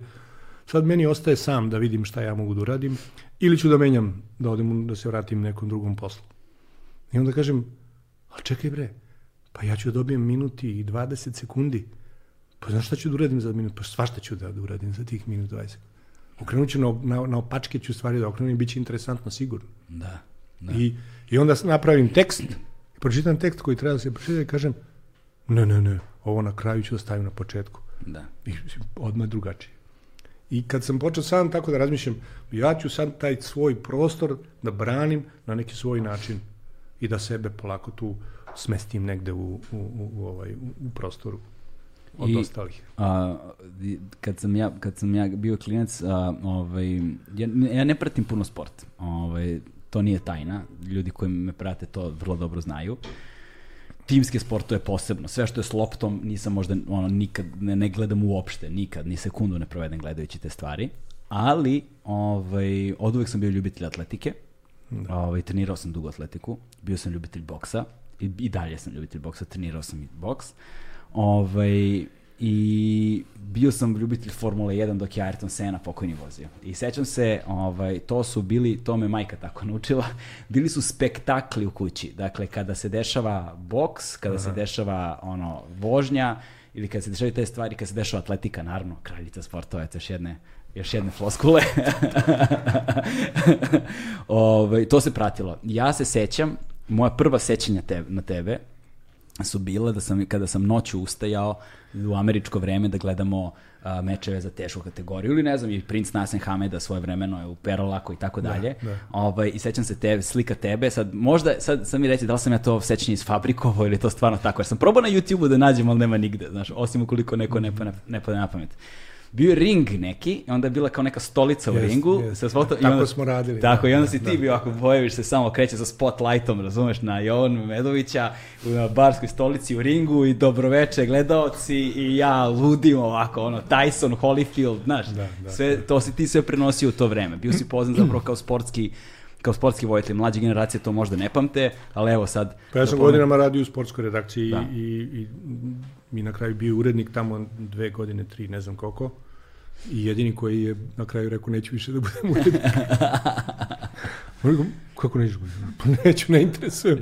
A tamo, pa tamo puškom jedni drugi isteruju da bi bili, Urednici, da bi došli da, da budu urednici. Nije samo tamo, svuda je generalno. Znači urednik, pa daj sve ću da on će da preko zgazi, preko koga hoćeš, samo da bude urednik. Što? Pa da bi putovao.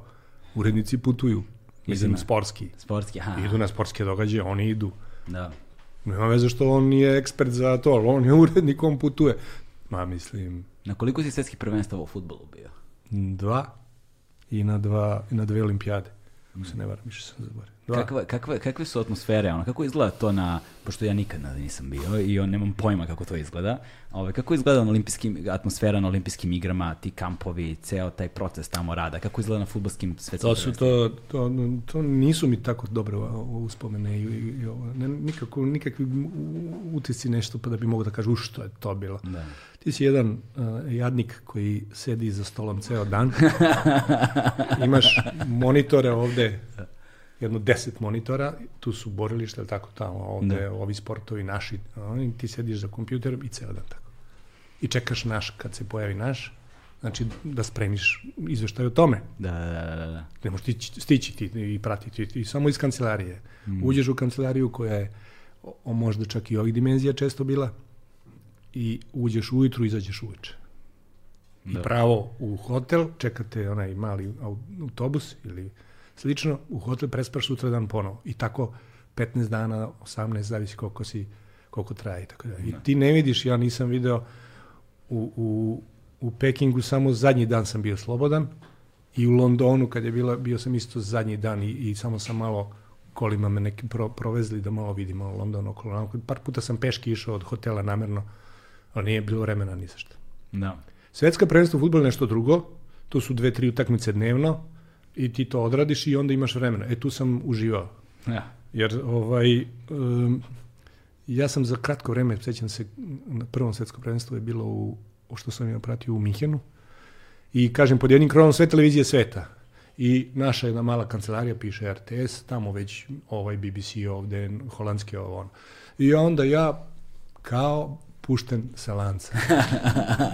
Znači, prvo nije, nije mene baš briga, ja nisam uh, iz te kategorije da ću ja sad zapnem da, da bude na, satsku, na svakom svetskom prvenstvu, niti sam futbolski komentator, ništa, nego ja sam došao tu da napravim priloge, da bude zanimljivo ljudima. Ja sam svašta tamo radio.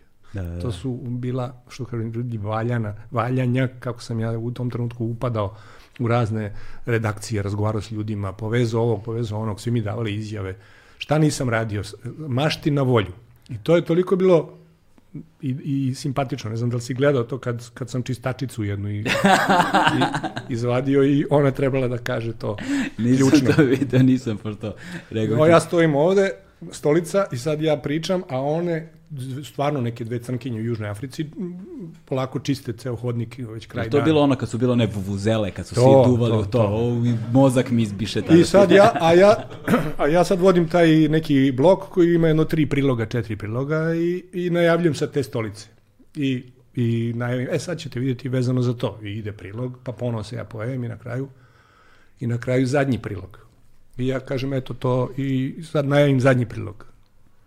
I sad treba da se ponovo pojem i odjevim, ono nema nikoga, stoji stolica, mikrofon stoji na ovako i ova čistačica koja prolazi uzima mikrofon i oca je otisao i doći će. Ja i kažem, šta treba da kažem. Znači, ovi su se srušili tamo. to je bilo uspelo. Da... Jesi imao nekada problema Ili- sa uredništvom zbog tih stvari? Bilo je, bilo je raznih, bilo je opasnih situacija, pričat ću mi to, Da. i to se negde zaboravilo, a neki se sećaju toga. To je bilo genijalno. Ovaj, ja sam tada, iz, ne, ovo je bilo u Minhenu, i sad ja vidim neka iz Venecuele, starleta samo takva, oko nje m, ekipa, ona treba nešto da kaže, neka tropska, neki interijer, palme i sad ona nešto najavljuje i odjavljuje i ja pitam onu producenta, "Jel mogu ja da nešto da je pitam, može, jel mogu da s tom porazgovaram malo i da uzem neku izjavu. Ona kaže, pa ja ni pratim mnogo futbol, nema veze, imam ja za tebe neka dva, tri pitanja. Može. I ja ovaj, njoj ovaj, podmetnem pitanje koja vam je najinteresantnija od svih ovih ovaj, što se voditelja. Ne. I kaže mi da ona kaže šarenac. I ona kaže, ali to izgovorila onako slobodan šarenac. Tako nešto. I ja, ka, ja kao razočaran. I tako se završi ta priča. I svaki put ja nešto na šarenca. A on je, on je bio u, u Beogradu u studiju sa, sa Marijom Kilibardom. Aha, da, da. Oni su vodili ovu emisiju neko ovde, a mi tamo izveštaj. I, vidim ja da sam ja nju zapostavio, zapostavio, ali joj spremam zadnjeg dana i za nju problem. I nađem italijana ovaj, koji radi za Rai. I rekao, vidi, imam ideju s tobom, kako, rekao, ići ćemo od redakcije do redakcije i da ćeš ti da predstaviš nekoliko tih e, voditeljki. Mhm. I po tvom izboru ti izaberi idemo 3-4 da izaberemo i da ti kažeš ova je fenomenalna, ova radi tako, pa ćemo jednu španjolku smo odradili, jednu engleskinju, ne znam ja. I onda ćeš da dođeš kod nas u studio, a mi ćemo ti staviti sliku Marije Kilibarde kako vodi program, samo kadar. Aha. A ti kad je budeš vidio, ti se oduševi i padni u nesest. I ide on, i ide, dolazi prvo kod ove iz, iz Španije, s njom razgovara, to je ta, sve, o, dečko profesionalac, nema greške, sve to radi. I on došao, a sad dođi malo kod nas, evo mi imamo ovu našu voditelju. A on ovako, mama mija, pa klekno ispred.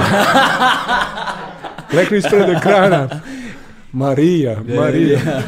ja, još ona Marija, da, da, nema problema da se izgovori ime. I oni su tamo pali isto u nesvest. Mislim, kad su oni to odgledali šta smo im spremili. Um, a urednici, jedne godine bile olimpijske igre, sad više ne znam gde, ali sam ja odavde to radio sa kolegama. I imaš tad, zvao se pregled A, B i C. Znači imaš glavne događaje i ono što je sporedno stave u te preglede. Da, da. Ali i to ide na program kod nas i bila su dežurstva. I dobiješ na papiru, radiš pregled C Da, da. reki. To je noćna mora bila. Znači, tu su sve neki sportovi koje mi nit pratimo, nit nas interesuje ništa, ali to treba da se odradi. I oni, Boćanje, ono. bile je svakaki klubi i oni to odrade, znaš, svi ovi moji i dođe na mene zadnji dan da ja radim pregled C. I ja sad razmišljam, reko, koga ovo interesuje?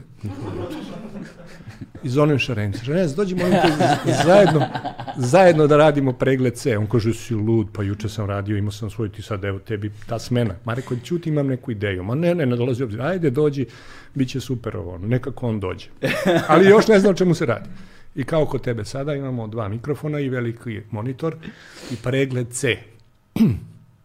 Kreće sa jedriličarstvo i snimak iz aviona gde je jedan, jedna jedrilica tu, pa 5 km i jedna tačkica sledeća je sledeća jedrilica. I to je sve što imamo u, u kadru i to polako ide.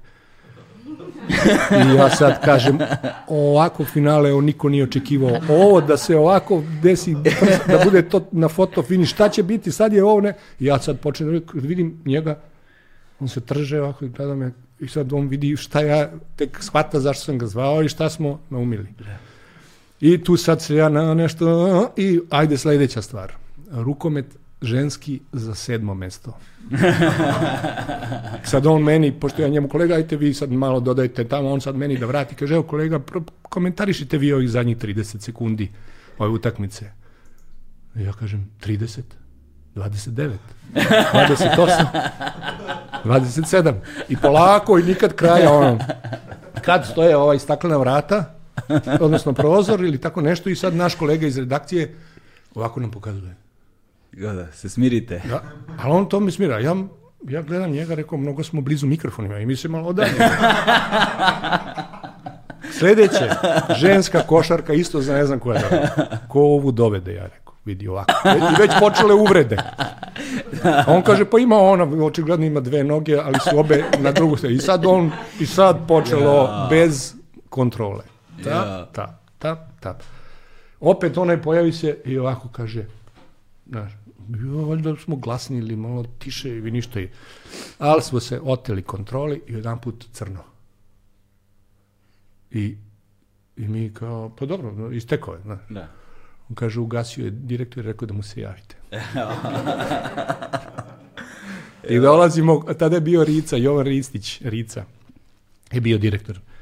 Nema smisla, kaže. Pak su to sportisti i vi počeli da ih vređate. No. Jeste da je, i bilo je i duhovito, ali kaže, nema smisla, da, pretreli ste ipak.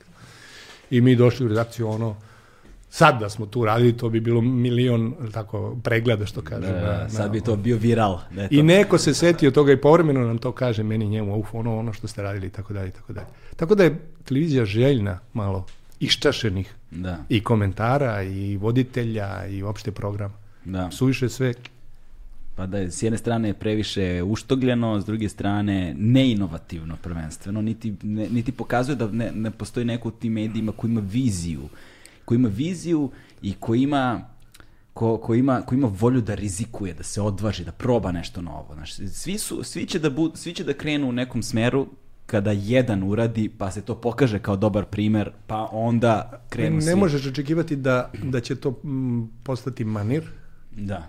jer to čovjek u sebi ili ima ili nema, ili će preterati kao što smo tada nas dvojica mladih Da. preterali. Preterivanje je opasno. Mm.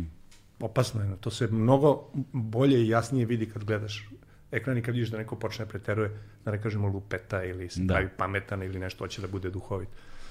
To je opasno. Mm.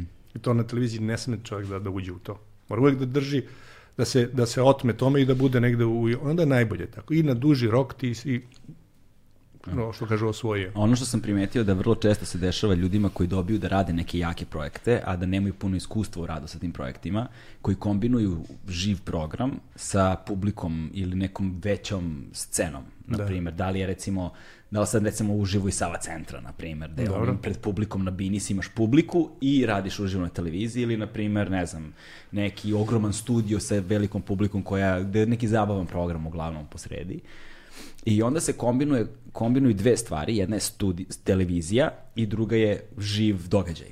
Jer na živo, u živom događaju ljudi aplaudiraju, viču, muzika je, svašta se dešava i onda voditelji tog programa obično su u skladu sa time, ono, i oni su živi, viču i mašu rukama i na bini sa publikom, re, ono, sa, imaju interakciju s publikom. Ali problem je u tome što na televiziji imaš intimnost krupnog kadra Da. i ne čuješ tu publiku, niti vidiš ceo taj ambijent.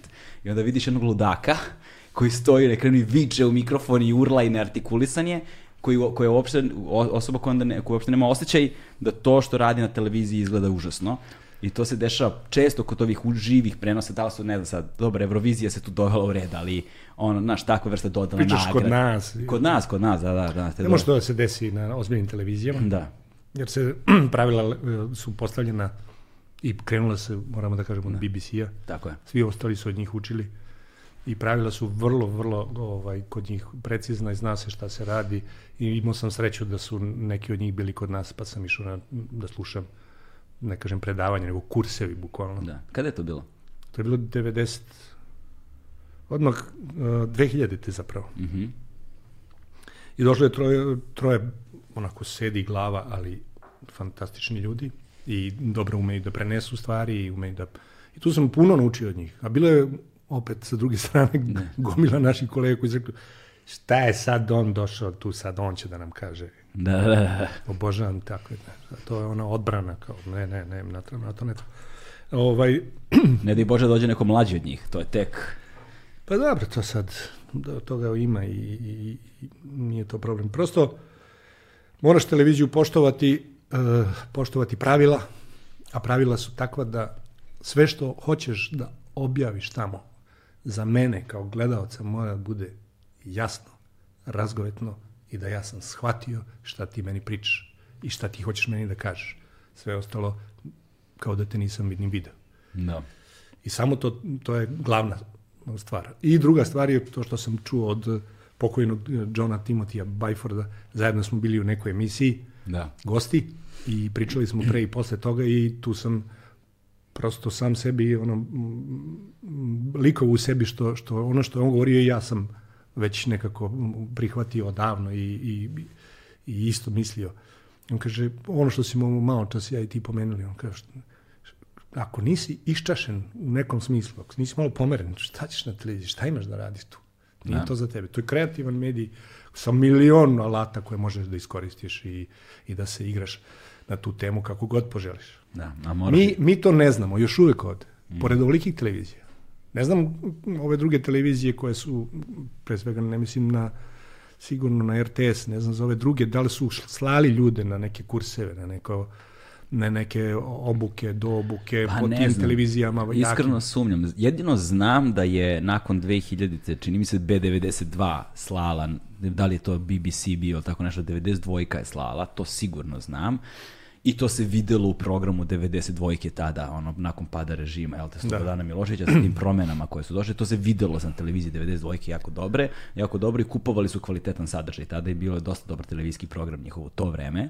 Da. Ali ne znam da li se posle toga bio, zaista ne bih znao. Možda u izolovanim slučajima da je po, po neka osoba išla i nešto uspela da završi sebi ili da je neko učinio, ali da su cele redakcije išle na nekakve obuke, to sumnjam da se desilo. Ja imam jednog kolegu koji radi na islandskoj televiziji i vodi glavnu vest, vesti od šest ili od sedam, zaboravio sam, ali svaki dan. On jedan jedini radi svaki dan. I on, ovaj, njega šalju na, ne znam, svakih, da li šest meseci ili godinu dana, sad više to nije bitno, šalju ga na, na, brief, na, na building Mhm. u BBC. Da, Zbog novih tehnologija, zbog novih pravila i tako dalje. i tako dalje. To je to. da, da. Kao seminar za futbalske trenere. Mhm. Ako, ni, ako ne ideš na seminar, nisi u toku, ne znaš šta radi Da. ona i šta je, ona što je već napravio rezultat, ajde da tako kažem, Da. i ti nisi u toku i ti si u nekom svom svetu i nisi, tako i ova televizija. Ima tu mnogo stvari koje su se promenile. Da. Ja sam, Tek da ne pričamo sad o ovome što ti i ja radimo, da ne pričamo o telefonima, da ne pričamo o milion nekih drugih stvari koje nadolaze. da, ja sam radio više, ja sam, ja sam uglavnom radio za strane medije, dosta sam radio, radio sam za MTV, kada je MTV bio glavni, radio, glavni omladinski medij, da kažemo, radio sam za Vice, kada je Vice bio to i tako dalje. I, ovaj, i, ali tu sam imao pola-pola, znaš. S jedne strane, ok, da radiš za trenutno najaktuelniji mediji za mlade, a mlad, mediji za mlade po definiciji su najprogresivniji u, u smislu sadržaja, kreativnosti i tako dalje. I ono, odvažnosti, vrlo često tu budu stvari koje su na ivici, na koje se graniče sa svim i svačime. I bu, mora budeš spreman na to. I to je okej. I tu se u, naučiš savremene sisteme, naučiš savremena pravila. E, ono što mi je mnogo značilo jeste u samoj produkciji, postprodukciji, znači to kako se rešavaju ono rights and clearances, jel te prava, rešavanje prava za muziku, za arhive, za fotografije, načini komunikacije i tako dalje, koji su u svetlosnim godinama daleko od onoga što se ovde dešava. Ali s druge strane, recimo Amerikanci, Nemci, Britanci i tako dalje, oni imaju to pravilo, dakle ti si zaposlen, ti si školovan, ti si sve super, ali bez obzira na to ti na svakih godinu dana moraš da si išao na neki dodatni kurs. Da si stekao neko novo znanje, neku novu veštinu, jer to je jedini način da ti i napreduješ u poslu i da doprineseš zapravo toj zajednici, inače će morati neko novi da dođe ko može da doprinese. I uvek je ta konstantna borba. E, mi, znači, mi smo stigli do te tačke, ali kada je trebalo da se ba- bavimo napretkom, prosto mi kao istočna Evropa, istočni evropski blok, nismo, nismo, nismo vali. Tu je ono gde se oseti taj, da kažemo, kolonijalistički negde odnos, ono, gde se oseti taj odnos zapad-istok, gde se od, oseti to da si manje važan. Tvoj pasoš nije toliko važan, znaš, Pa, tvoje tržište nije toliko važno i onda tu, tu se najviše oseti. mm, Tako da nisam ni ja imao te obuke, na to hoću da kažem. aha. Ali ne smeta ti to? Ne. Iz još jednog razloga, zato što ovde konkurencija nije jaka. Tako da o, i bez te obuke dovoljno je da ti nosiš taj uh, osjećaj tog, taj živac. Hoću da saznam, hoću da imam ovog sagovornika, hoću da se potrudim za ovo, hoću da uradim ovo, ja to hoću, ja to želim i to ću da uradim. I to već ti daje ogromnu prednost. Da. Pogotovo što niko ti nije ovaj, od tvojih najbližih bio već negde pa te doveo, aj dođi malo A da, radiš kod mene u televiziju, ja sam Da. ovde I ti glavni. Si, ti si prvi u porodici, je li tako? Da, nemam, niko nije imao kontakt nikakav s medijima nikada. Da. Ja prvi slučaj, a i ti, jel? Tako je, prvi, potpuno slučajno takođe. Dakle, ne mora da znači, hoću da kažem, ovaj, drž se ovog pravila, što sam i ja rekao, e, dobio sam minut u, sad ću da napravim čudo za taj jedan minut. Da, da, da. Ti sad da, imaš ovde koliko hoćeš, neograničeno, Neograničeno, tri sata, da. što nije dobro. Ne. To da znaš. Mislim da nije dobro. Bolje ga fokusiraj i sažmi ga. Jer možemo, ja, nek, kad napravimo digresiju u ovom razgovoru, Da. Već nekome nije interesantno. Ako se držimo neke jake teme sve vreme, siguran sam da neće tako lako otići. Sad, Mislim- tako bi ja gledao. Da, pa to je, to je razlika između tradicionalnih medija i ovoga što se sada dešava, zato što a, je ovaj ceo, ajde da kažemo, pravac medijski rođen kao kontra a, kao, kao reakcija na tradicionalne medije i onda je ovde fora da se ruše sva pravila. Ovde je fora da bude antiformat, da bude a, antifokus u tom. Znači, mi možemo bukvalno da napravimo 3 sata, 5 sata, mi možemo ovde da napravimo maraton ako hoćemo, tipa da, pustimo ove kamere da rade dok ne crknu i da budemo ono uživo 24 sata, ako nam se to radi i izgradit ćemo publiku koja želi da učestvuje u tome, koji će to biti nekako ludilo. Tako da, ovaj, e, svet je veliki e, i, ovaj, i mislim da smo dugo godina podcenjivali publiku i podcenjivali moć publike da razume i da prihvati inovaciju i da učestvuje u njoj i, i mislim da smo podcenili šta su potrebe ljudi. Mislim da će ljudi, ako im daš, uzmeti da razumeju i da prihvate, a to zato što jedan od razloga kako sam, zašto sam počeo da radim je zato što smo mi već zbog brzine web medija sve se pretvorilo u potpunu besmislicu. Znaš, besmislicu koju, znaš, zapravo ti stepen po stepen, pomalo, pomalo ulaziš u nju, pa ni ne primetiš koliko si daleko otišao u ludilo, sve dok se u jednom trenutku ne zaustaviš ne okreneš i kao, wow, čekaj, zatekneš se u toj situaciji. Mi smo u jednom trenutku počeli da pravimo te kao kratke formate koje smo zvali shorties. Da. I šta se desi? Recimo uradimo, ti uradiš emisiju 27 minuta. Dobro. I onda mi uradimo sažetak te emisije, kao foršpa neki ili šta god, koja traje do minut. Dobro. S time da imaš pravila, do prvih 10 sekundi ja moram da uradim nešto, da prikažem neko ludilo koje će da zadrži gledalca. Tako je. A onda moram na to da stavim ogromne captionse, ogromna slova, da, zato što, i da titlujem sve što se izgovara, zato što većina ljudi danas kad scrolluje kroz telefon, ide autoplay, imaš sekund da uhvatiš pažnju, znači ode scroll dalje, jer se boriš za taj pregled, i pošto većina ljudi ili na poslu, ne znam šta, ne puštaju ton, pa da imaš titlovanje, znaš, i onda, koji je koncept video sadržaja, znači, ne- neću to da radim, znači, mi smo počeli da provodimo vreme proizvodeći samo to, jer to generiše preglede koji generišu posle agencije koje generišu novac. Genijalno. I znaš, i šta je onda sa sadržajem koji, kao, e, i onda sam me fuzon, e, ne, sad ću da sednem i sad ću ja sa Memedovićem tri sata da pričam, Pa da, a vi ne, ako ne, nećete, redu. nemojte da gledate. Ali Znaš čekaj, ti na kraju živiš od toga koliko će ljudi ovo da gleda. Između da ostalog. pogleda.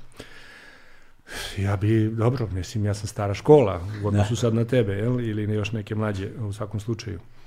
Ja bi, ja bi u- samo ono što je, kako bi rekao, esenciju najinteresantnijeg vuko samo to. Ne bi dao ništa drugo. Šta, šta je bitno, mislim, kad sam, moja biografija, ajmo sad odmah fokus na nešto da komentarišemo, da uradimo. Znaš šta mislim da je važno? E, mislim da je važno i zbog čega, mi, za- zbog čega je ovaj razgovor dragocen.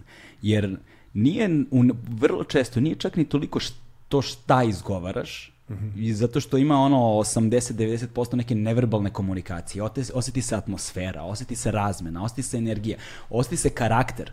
Znaš, kada neko sedi tri sata, ma koliko god da se folira, Da. to izlazi na površinu. Dobro, Ne može čovjek da laže tri sata.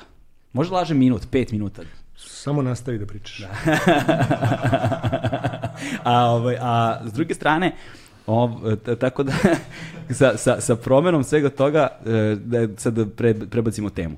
Dakle, Sad ću, sam- da ti, sad ću da ti prebacim temu. aha, šta, pronalaziš nešto? Pa ne, nešto sam, sam ovaj, juče, jutro slušam neku muziku i, i pošto ja slušam jazz i jazz rock i ceo život sam samo to slušao. Evo su džezeri ovde, E pa. muzičari.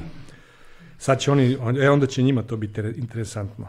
Samo, samo da nađem, da ga nađem, da bude to što sam jutro svišao i rekao sam, vidi, ovo moram da mu pokažem. Da. Znači, da li znaš kako ćeš izgledati za jedno 20 godina? Ja? Da. Šta si neku aplikaciju našao? Ne, ne, ne, ne. Nema. Da li znaš kako ćeš ti izgledati za 20 godina, za Nemam 15-20 godina? Ne znam, kako ću izgledati sa 15 godina. Našao si nekoga ko liči na mene. Ko, ti si, to ćeš ti da budeš milioner. Daj da vidim. Herbie Hancock, brate. E, znaš šta, ako budem H od Herbija Hancocka za 15-20 godina, to ću smatrati najvećim životnim uspehom. Imaš Brčiće moraš da pustiš i, Da. i, i, i, i nema greške. Da, Brčić je malo je to, da. Brčić je malo i jedno... Znaš šta, Kako kako ne bi znao ko je Herbie Hancock i još jedno tonu talenta i sluha, onako da sipam lopatom pa da budem H od Herbija Hancocka. Na njemu sam odrastao, na Milesu Davisu, na Mhm. Weather Report, na Pat Metiniju.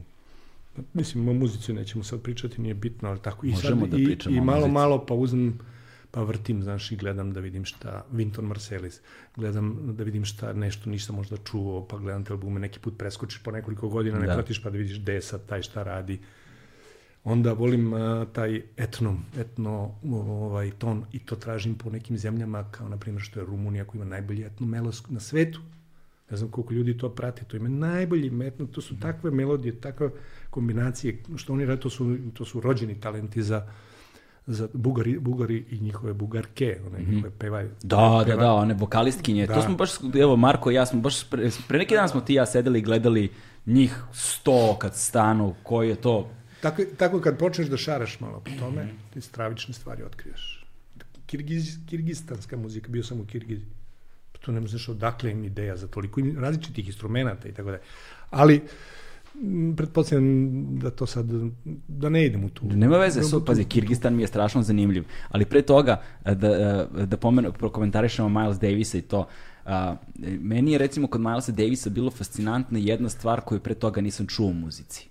A to je da neko može da izvede jedan ton, znaš, ton čist kao suza, Da, traje i na jednom tonu ti doživiš sve. Jeste. Znači, truba njegova kad se čuje prvi, kad recimo Kind of Blue ili tako nešto, da, znači kad se čuje i prvi ton i ceo spektar stvari se otvori, Pa on je i Herbie Hancocka i ostale sve stvorio.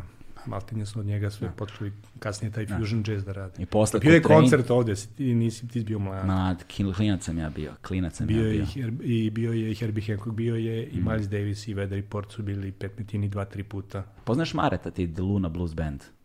Mareta Dillon. Bio je Mare ovde, The Luna Blues, on je veliki stručnjak za jazz i blues i tako dalje. On prati celokupnu jazz scenu ovde lokalno još od tamo 60. godina na ovamo prati, bio je na svim mogućim i jazz festivalima i tako dalje. Ja sam svirao klavir, ja, mi završio sam nižu muzičku školu kao klinac. I onda mi klavir ostao. I onda mogu klavire slušam i ozbiljnu muziku i, i džez i šta god. Klavir mi je baš ono, najinteresantniji instrument. Moj. Mhm. Ali ovaj, A kad se, što se Rumunije tiče, da. ja sam, imao sam uh, priliku da se susretnem sa vrlo malo, duše oblaš, sa rumunskom kulturom a, u tom kontekstu muzičkom etno, zato što sam dugo istraživao vlašku kulturu u suštini. Dobro. I onda sam se kroz Vlahe upoznao sa tim različitim aspektima vlaške kneževine, pre nego što je Rumunija bila kao država, pa onda sad ti različiti dijalekti njihovi bunjevački, munćanski, ovaj, ona i onda sa prijateljem mojim, pozdrav za Repketa, ovaj, Aleksandar Repetića koji je to vreme bio direktor muzeja u Majdanpeku, koji je bio moj fikser kada sam istraživao te teme, upoznavao me sa tim stanovništvom i on govori vlaški, to jest rumunski jezik i onda u kontekstu toga nisam mogao da izbegnem da ne dođem u kontakt sa njihovom kulturom, njihovom tradicijom i samim tim, njihovom, samim tim i njihovom muzikom. Ovaj, a, koji je tvoj kontakt bio zapravo sa, sa, sa ono, ru, rumunskom etno muzikom? Na koji način? Ja sam jednostavno, kažem ti, uzmem i, i odem na YouTube i polako okrećem i, i sate provodim. Aha, namenski I, tražiš i to. tražim nešto, što, gledam, odem, šaram gde god mi padne na pamet i onda polako gledam njihovu muziku i tako dalje. Mhm. Slušam zapravo tako samo Rumune. Negde mi je još od ranije ušao taj melos i onda sam istraživao, kažem ti. Da. Jako interesantan i, i, i, ovaj, i taj srednji istok, centralna Azija, sa, sa isto nevrovatne. Da, sam- nik, tamo bio sam- nikada nisam bio. Bio sam znači u Tadžikistanu, Kirgistanu a, i Kazahstanu i, i konkretno jedan put sam se vraćao iz, Kirgiz, iz, iz Tadžikistana kolima do Kirgistana, dva dana sa spavanjem u, u, u planini u jurti nekoj na... Uf. Mislim, toliko ima lepih tu priča koje možda Slobodno. sad to, moram pogledati koliko ima sati, prosto ne znam kad ćemo na ručak. Možemo da ga poručimo ovde. Šalim se, nećemo da jedemo dakle, mikrofon. vraćao sam se uh, uh, i čovjek je imao kasetu u tom džipu koji nas je vozio iz, sad više sam zaboravio iz kog mesta, iz Tačikistana i idemo, vraćamo se u Kirgistan. I sve vreme je jedan pevač i neka muzika. U početku mi malo zavija, malo mene, ko je to je, kaže, najbolji pevač u Afganistanu. Pa reče njegovo ime i njega smo slušali dva dana. I da, po tim zemljama se krije nešto što, što smo mi izgleda preuzeli i u našem melosu. I, I dosta toga se krije a, po tim zemljama što smo im preuzeli i kulturu, jer se očigledno stanovništvo ili ti narod se kretao velikim rečnim dolinama. Pa je dosta toga došlo iz centralne Azije, preko kasnije, preko Turaka, ali i pre njih. Ni oni nisu autohtoni toliko bili, pa kažemo mi smo od Turaka, ne, i oni su od, prethodno od, od Iranaca, odnosno od Persije. I tako se otprilike i ta civilizacija prenosila na Evropu iz centralne Azije. To smo, usput sam to, eto, tražeći neke teme tamo, ovaj, dosta toga pokupio. Kakav je Kirgistan, kakav je Tadžikistan? Mislim, ne, ne, znaš, ne, nemam nikakvu sliku, ne mogu ni mentalnu sliku da stvorim. Pa što... da ne bi tu sad mnogo uh, opisivao, to nije bolje slike same govore, ali Kirgistan ti je kao Švajcarska, znači sve 3000, 4000 metara zelene livade, jezera, planine pod snegom, a Tadžikistan je kamena pustinja, nema maltene ne raste ništa, sve go kamen. Doduše i nadmorske visine su preko 4000 metara. I ps, lepo je kod nas. kod nas je raj. Da. Kad odeš u takve zemlje, onda shvatiš šta zapravo mi imamo, koliko svega mi to malo koristimo i koliko mi to sve rado upropastimo. da, e, to. to je suština. Mm. I mhm. zato treba otići malo i levo i desno. Da. Treba otići da bi se vratio. Ali opet, evo evo šlagvorta za, ne za politiku, ali za neku priču. I sad mi kukamo kao mi smo nedoterana zemlja još uvek, pa nemamo ovo, pa nismo uradili ovo, pa ima korupcija, pa ima svega. Ali mi se, boga mi, lepo kotiramo u svetu u poređenju sa, ne znam, svim ostalim zemljama. Sve mi smo u gornjoj trećini razvijenih zemalja. Kad pogledaš. Da. Nismo mi tako loši. Ili, Meni sestra radi, e, doskore radila sad u penziji u Ujedinim nacijama. I bila šef za razvoj srednje razvijenih zemalja. Mm -hmm. I putovala i ovamo i onamo ceo život. I kad ona dođe kod nas i sad se pojavi tu koje kakve nedomice, neke suprostavljanje između pozicija ili ovo ili ono i sad počne komentarisanje. Pa kako to, vidi, gledaj, ovo je očigledno da je to, sad počinje razgovor, ona kaže, šta ti je čoveče gore tri puta nego ovde kod nas, po mnogim zemljama. Da. Nismo toga svesni. Stvarno nismo toga mm. svesni. Pa, nažalost, ljudi se ovde slabo kreću, slabo da. putuju, to je za početak. Tačno, bravo. Znaš, slabo putuju. I nemaju ni repere. Mm, nemaju referentne vrednosti nikakve da izmere u odnosu na druge kako je. Čak se priča, ta priča o korupciji, nameštanju, dovođenje svojih ljudi, to je u tim razvijenim zemljama pet puta izraženije nego kod nas. A pogotovo u, zemlje, u organizacijama kao što su Ujedinjene nacije ili već nešto slično. Jer da. je tu borba interesa da ti svog čoveka dovedeš. Jer da. onda kad je on tu, ti si tu, i to je tako užasno, kaže, ovaj, podmetanje i, i korupcije i sve. Da. Kada si putovao ovaj, po tom bivšem sovjetskom bloku između ostalog i tako dalje, ovaj, hajde da počnemo tu priču, pošto me sad sve to strašno zanima. To sam pominjao isto u nekim od prethodnih epizoda. Jedna od mojih životnih želja je čim budem uspeo da se organizujem, to prva stvar koju moram da uradim jeste da putujem vozom Moskva Vladivostok, jer sam to negde u osnovnoj školi. Ne, nemoj da to radiš. Zato što nije interesantno. Ja sam jedan deo toga otišao. I, mm -hmm. i, ja sam mislio da je to... I mi smo išli možda jedan hiljadu kilometara. Kad si prošao 500 km, kao da si prošao tih 8000 km. Da. Sve isto. Sve, sve isto. znači ide pruga, Ovde je šuma i to gusta i ništa ne vidiš od, od tajge. Znači ona ovako da. kao tunel. I jedan put, op, nema šume, livada, pet kuća, levo i desno, posle 500 metara ili kilometra, op, opet šuma i sve tako. Da, i to je to. I to je to. Da. Otvori se, vidiš malo levo, desno, ali to toliko brzo prođe, tamo neki proplana kao ono, opet se zatvori šuma i tako beskrajno. Da.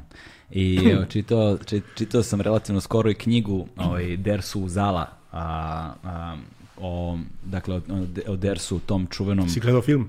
Da, da, uh, Kurosavin, da, Kurosavin, da, Dersu, ali govor, govorimo o knjizi i onda me je fascinirala i ta tajga između ostalog i, znaš, sad, jesi ti bio po tim tajgama? Bio sam dva ili tri puta već. Jesi imao problema tamo s insektima, sa sin... Užas, užas, užas. Sve mi to prepriči, sve, sve me zanima. To je, to je carstvo komaraca, buba i svega ostalog i ti sletiš jedan put tu i... i Gde si sleteo? Puno u neku bespuće, to ti je otprilike na jedno 4000 km od Moskve prema dalekom istoku i tu su nas pustili helikopterom.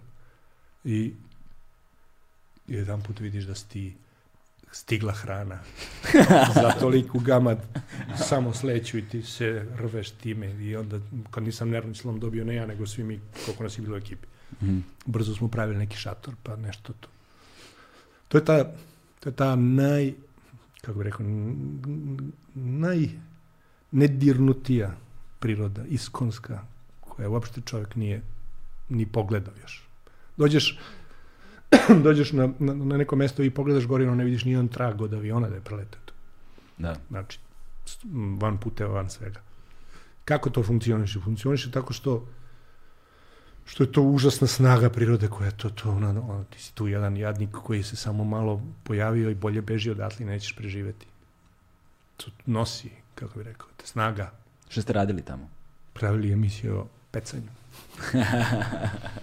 Tražili da budete netaknuto, ja kaže, odlično, evo ovde, niko nije bio pre vas. Evo, izvolite ovde, niko nije I tako. Onda, I onda, a mi sa sve pecar, ribolovačka oprema, vrhunska, kao da tu teško uloviti ribu, pa moraš ne ove varalice, nego one ili ne znam šta. Da. Vidiš, muzika je stvar o kojoj bih mogao da govorim. Ovo je nešto o čemu, čemu znam vrlo malo, mada bi tačnije bilo da kažem skoro ništa. Jednom u životu sam ovaj, pecao i dopalo mi se, ali nikako mi se posle nije pružila prilika da ponovo pecali smo na limu klenove. Da. To je, to je, to je, to ti je moje pecaroško iskustvo, početak i kraj.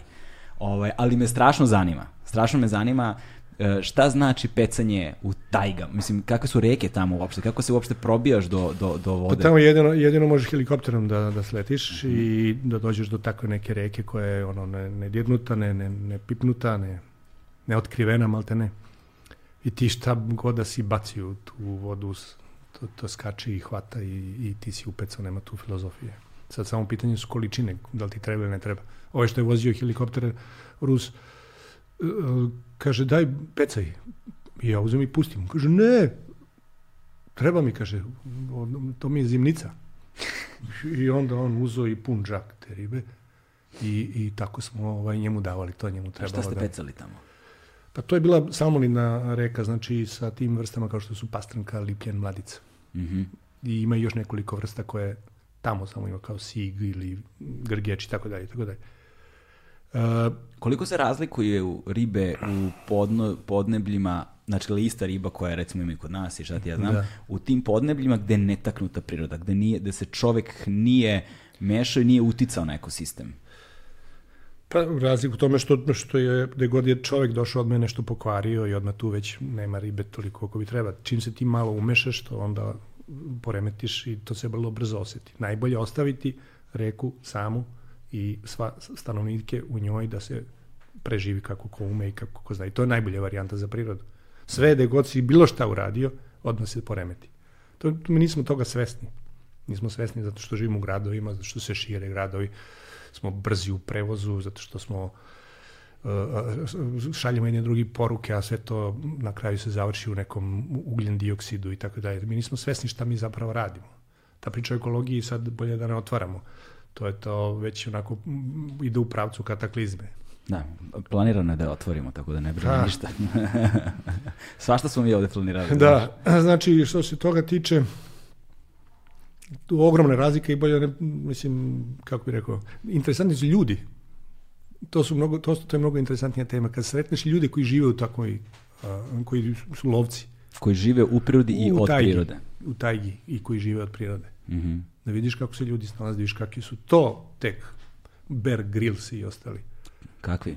Oslikaj mi ih malo. Pa znaš, Bear Grylls je jadan, jeste da je fizički spreman, da je bio u nekim jedinicama i on to tehnički sve to radi dobro, ali ovaj, ovaj od toga živi, bre. Da. Šta će da ulovi? Grylls I posle da- spava u hotelu. I, i ima catering. Da. A ovaj šta nađe, ako dobru klopku napravi, on je ulovio. kakve su klopke tamo, šta love uopšte? Mislim, Love se- čitao, čitao sam Dersu u zalu, pa otprilike imam sliku, ali, znaš, Mm, nije se, vero- se- izvini, nije se vjerojatno mnogo ni promenilo tada. A prošlo je dosta vremena. Ja sam bi- bio pre 30-40 godina malo ne tamo kad pogledam da stvarno puno vremena i zatekao sam ih u onom ruralnom pravom ambijentu. Tada je još uvijek se e, otkupljivala koža. Mm, I onda su oni imali tog sobalja koji je kao jedna brown boje, jako em, samur. Možeš ga naći u, da ga izguglaš, kad kažem samur. To je jako cijenjeno krzno, gusto i uglavnom skupocene bunde i sve ostalo se tada pravilo od toga. I oni su dobijali za jedan, jednu, jednu kožu su dobijali da li 15 rub, ovih e, dolara ili 20, a onda kasnije na aukciji u, u Peterburgu krajem godine to dostigne 150 dolara i tako su oni jadni za to licko malo neki Da. para radili, postavljali klopke, imali svako svoj reon gde, gde postavlja klopke i to se radi zimi nove, oktobar, novembar do decembra. da, oni tamo žive u jurtama, ali tako? Jurtama ne, jurte žive Mongoli, Aha. Kirgizi, Tadžiki- Tadžici, ovi Kazahstanci, ovi koji su tu, ali jurta je više pokretni pokretni uh, logor, kamp. Da, da, da, da. I, i dan danas ga koriste. Pa da. Što ga latko sklope, stave na sanke i irvasi to vuku ili konje ili zašto. Ti narodi tamo u taj, mislim, kažem, sve što znam o tome što sam čitao o Dersu, ono, Da. naroda u Zala, jel te, znaš, i onda koliko sam To je daleki istok. Bio sam baš daleki- tamo gde je bila, gde je ovaj opisivao Mm, u, zaista. u knjigu. Da, Da. To je taj deo o, na Si Ohotskom sreo moru. tigrove. A pričali smo to, oni kažu nema ih u tom delu gde smo mi bili. Mhm. Ovaj, I više ih ima oko... e, su i dalje nomadski narodi, Mm, da nisu... po- neko još živi od lova, Mhm. jer ima zagarantovano da će mu neko kupiti to meso i ima dozvolu za to. I to je sad, kako bi rekao, u kanalisano, zna se šta se radi. Tako ima i, i krivolovaca, ogromno je prostranstvo ko će tu koga kontrolisati.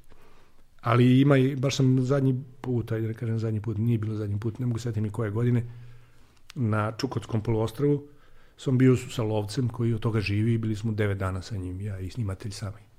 E, to me zanima. Mislim, da li si ti lovac? Ne znam. sad- Ne, ne, ne, ne, ne Znam lovim, da si ne ribolovac. Da, volim da pecam i, i ali sa lovom ništa, ne- nemam baš, nemam baš neki osjećaj. E sad tamo, tamo sam recimo ovaj, osjetio kako bi sad nam treba meso, jer nismo imali ništa. Se desio neki incident i mi smo sami ostali sa njime. Kakav incident? Pa i mi, dva tenka smo imali. Tenkom se tamo ide, ne može se ide drugim prevoznim sredstvom, nego to su tenkovi bez uh, cevi Aha. preuređeni za transport ljudi, kabina i gusenice. Koliko, ovaj je- su, koliko su glasni ti tenkovi? Pa ono, tank, tank. U, Znači sa slušalicama Da, idete? baš tako. I ovaj, i ja sam pozadi sedeo, snimatelj napred kod njega i još jedan njegov pomoćnik je bio, jedan pas. I to je bilo sve. I bila su dva tenka, jedna, naša grupa sa jednim otišla u jednom pravcu, vratili su se, a, oni kao, ćete vi da ostanete s ovim lovcem? Pa ajde, ostaćemo sa njim i ostali mi još 8-9 dana kad su ispostavilo da je sva hrana ostala kod njih. A, Jer da, su to kutije isto izgledaju i kutije i ovde i ovde, ovde je bilo samo vodka, da. a kod njih je bila hrana. I otvaramo i on gleda i on kaže, "Hm, nemamo ništa. I ja pitam neki Sergej, "Jel- i? Ništa, to je bila sva reakcija. To je bila cijela sva reakcija. No, nema problema. Dakle, nes- ne, nepojmljivo u kom vremenu sad mi recimo kako mi sad funkcioniše, kako sve to regulisano, kako je rešeno, kako ti o hrani ne razmišljaš i to kako u, u današnje vreme neko jedan put nema hrani treba da ulovi. Da, mene na Dorčelu bez dinara da ostaviš umro bi od gladi. ne u tajgu da me staviš. Čekaj, je... I uopšte je- način komunikacije, znaš, mi smo puni pitanja, je li, a, a koliko ima sad do tamo, a koliko će nam trebati vremena, a šta će biti sa ovo? I on u početku odgovara, a posle kad mu postaviš tako pitanje, on, on, ti stojiš ovdje i pričaš mu, on samo prođe pored tebe. Kao, mani me više, ne- neće ni da priča. Da, Ne znam, gluposti da postavljamo mi Da. pitanja koliko ti treba vremena da popraviš tank. da, da. Koncept vremena Znači, i pukla mu, prostora. je, pukla mu je gusenica, Aha. tako da kažem, jedna, jedna a, ne gusenica, lupam, osovina. Aha, Trebali smo da pređemo reku i on je već krenuo, nagno se na, na, na obalu, jedno 15 metara, reka nije mnogo duboka, i on napred, nazad, napred, nazad, i izađe napolje i kontra i, i malo vrati ga i kaže ne možemo odavde više da mrdnemo. Što kaže, otišla osovina. ima on radio stanicu, mogu bi on da zove, znaš. Ali ja sad čekam ili će da pozove, ili će nekog da, ne znam, nešto se desiti i čekamo. I polako on kaže, tako, bez mnogo reči, to kao, ostanite tu. I on vadi neke torbe i šta. I šta će, pa sam će, kaže, da napravi, da je zameni osovinu. I koliko ti treba? I on pokazuje, ja rekao, sad, dva. Dan, dva. Aha, dobro. I ne, šta ima da jedem, kaže, ima krompir neki gore na tenku, on se popio, napravi i, i pojeli supu sa malo krompira. Mislim, voda i krompir. I, i, ali on je naoružan, sve je tu u redu. I sad treba naći da vidimo da li se nešto kreće tu i ti počneš da razmišljaš ko lovac. I dva irvasa na kilometar. I ja vidim i kažem, Sergej, a on kaže on drugom idi. I on uzme pušku, ali neki nizak čovjek. I ide, i kako on polako ide prema njima, oni o, o, i odošao. Ne može stigne do njih. Ja, A, kako je, a kakav je teren? Kako je? teren užas, blato, to oni kažu balota. I to je onaj permafrost koji se preko Aha. o, o, ovaj, otopi i on bude po neki busen, pa ti misliš da je tu, tu tvrdo, ti staneš, propadneš do ovde. I, I teško je kretati se. I sad dolazimo dotle da ja vidim da je čovjek nizak, malih dimenzija, da mu je mali korak i da ne može da stigne ništa. I ja njemu kažem, Sergij, imaš ti još jednu pušku? I meni proradi, daj meni. Ali umeš da Jo. Pa bio sam u vojci, hvala Bog da znam. I puška kao papovka taj koji smo u vojci pucali iz nje.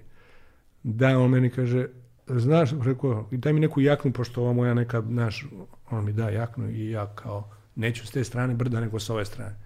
Posle jednog 100 metara shvatam da ne mogu uopšte da idem. I zato ovaj nije ni mogu jedan da stignem do Irosa. Ne možeš da ideš, ti propadaš. Da. Vratim se, nikom ništa.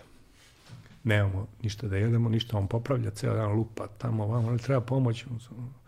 Kad smo završili sutra dan, nastavljamo dalje, rečica i jezero. I ja vidim, op, pojavi se nešto, riba iskočila da uhvati mušicu.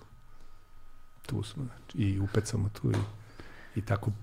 Posle toga je, mislim, a da, posle toga smo našli losa, pa je ubio losa, pa smo jeli i tako dalje, i tako dalje, cela priča. Bila je cela serija emisije. Mhm. Ovaj, a, sad me zanima kako se, se snalazite u tim uslovima onda kak, za, ne znam, spavanje, ličnu higijenu. Ta katastrofa.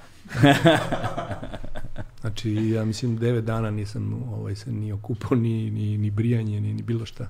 Samo, ajde, što smo zube pravi. Da.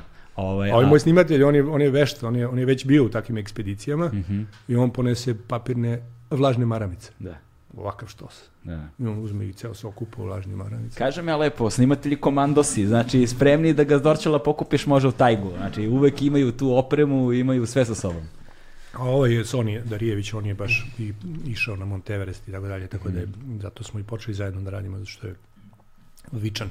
Da, neki od gostiju koje sam imao ovdje isto u podcastu su ljudi sa kojima se ti sarađivao, kao što je Dragan Jačimović, Da. uh, profesor Čirović, uh, Duško. Duško, tako je, kada su karnivori u pitanju Da. i tako dalje. Mislim, to nam je jedno od slabije slušanih epizoda, pa ću da iskoristim priliku da stavim tu epizodu u opisu ove epizode, pa pogledajte.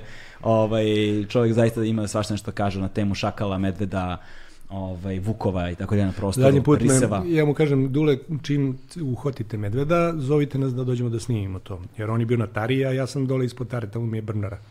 I on kaže, važno, nema problema. I ono negde tri ujutru, dva ujutru, nemam pojma, ja spavam, zvoni telefon, ko je sad, bog te. Hej, evo, signal je odradio, izgleda da je ušao medved. Dođe ti kaže, ma dobro, ajde, nema, pusti me. Oblači se. "E, Za koliko može stignete, stići ćemo za pola sata, rekao. I medved se uhvatio u zamku, a ne znam da li ti on to pričao. Jeste. jeste. Ali grdosija. Mm. I on se otima, onda, onda smo mu prišli sa dve inekcije ga, ili trećom ga uspavali.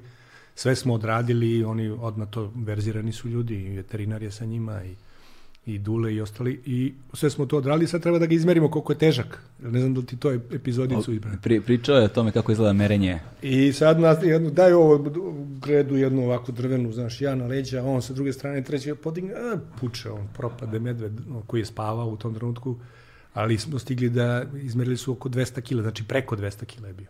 Da. Posle su ga probudili i on je nastavio. Kakav je osjećaj biti u blizini medveda?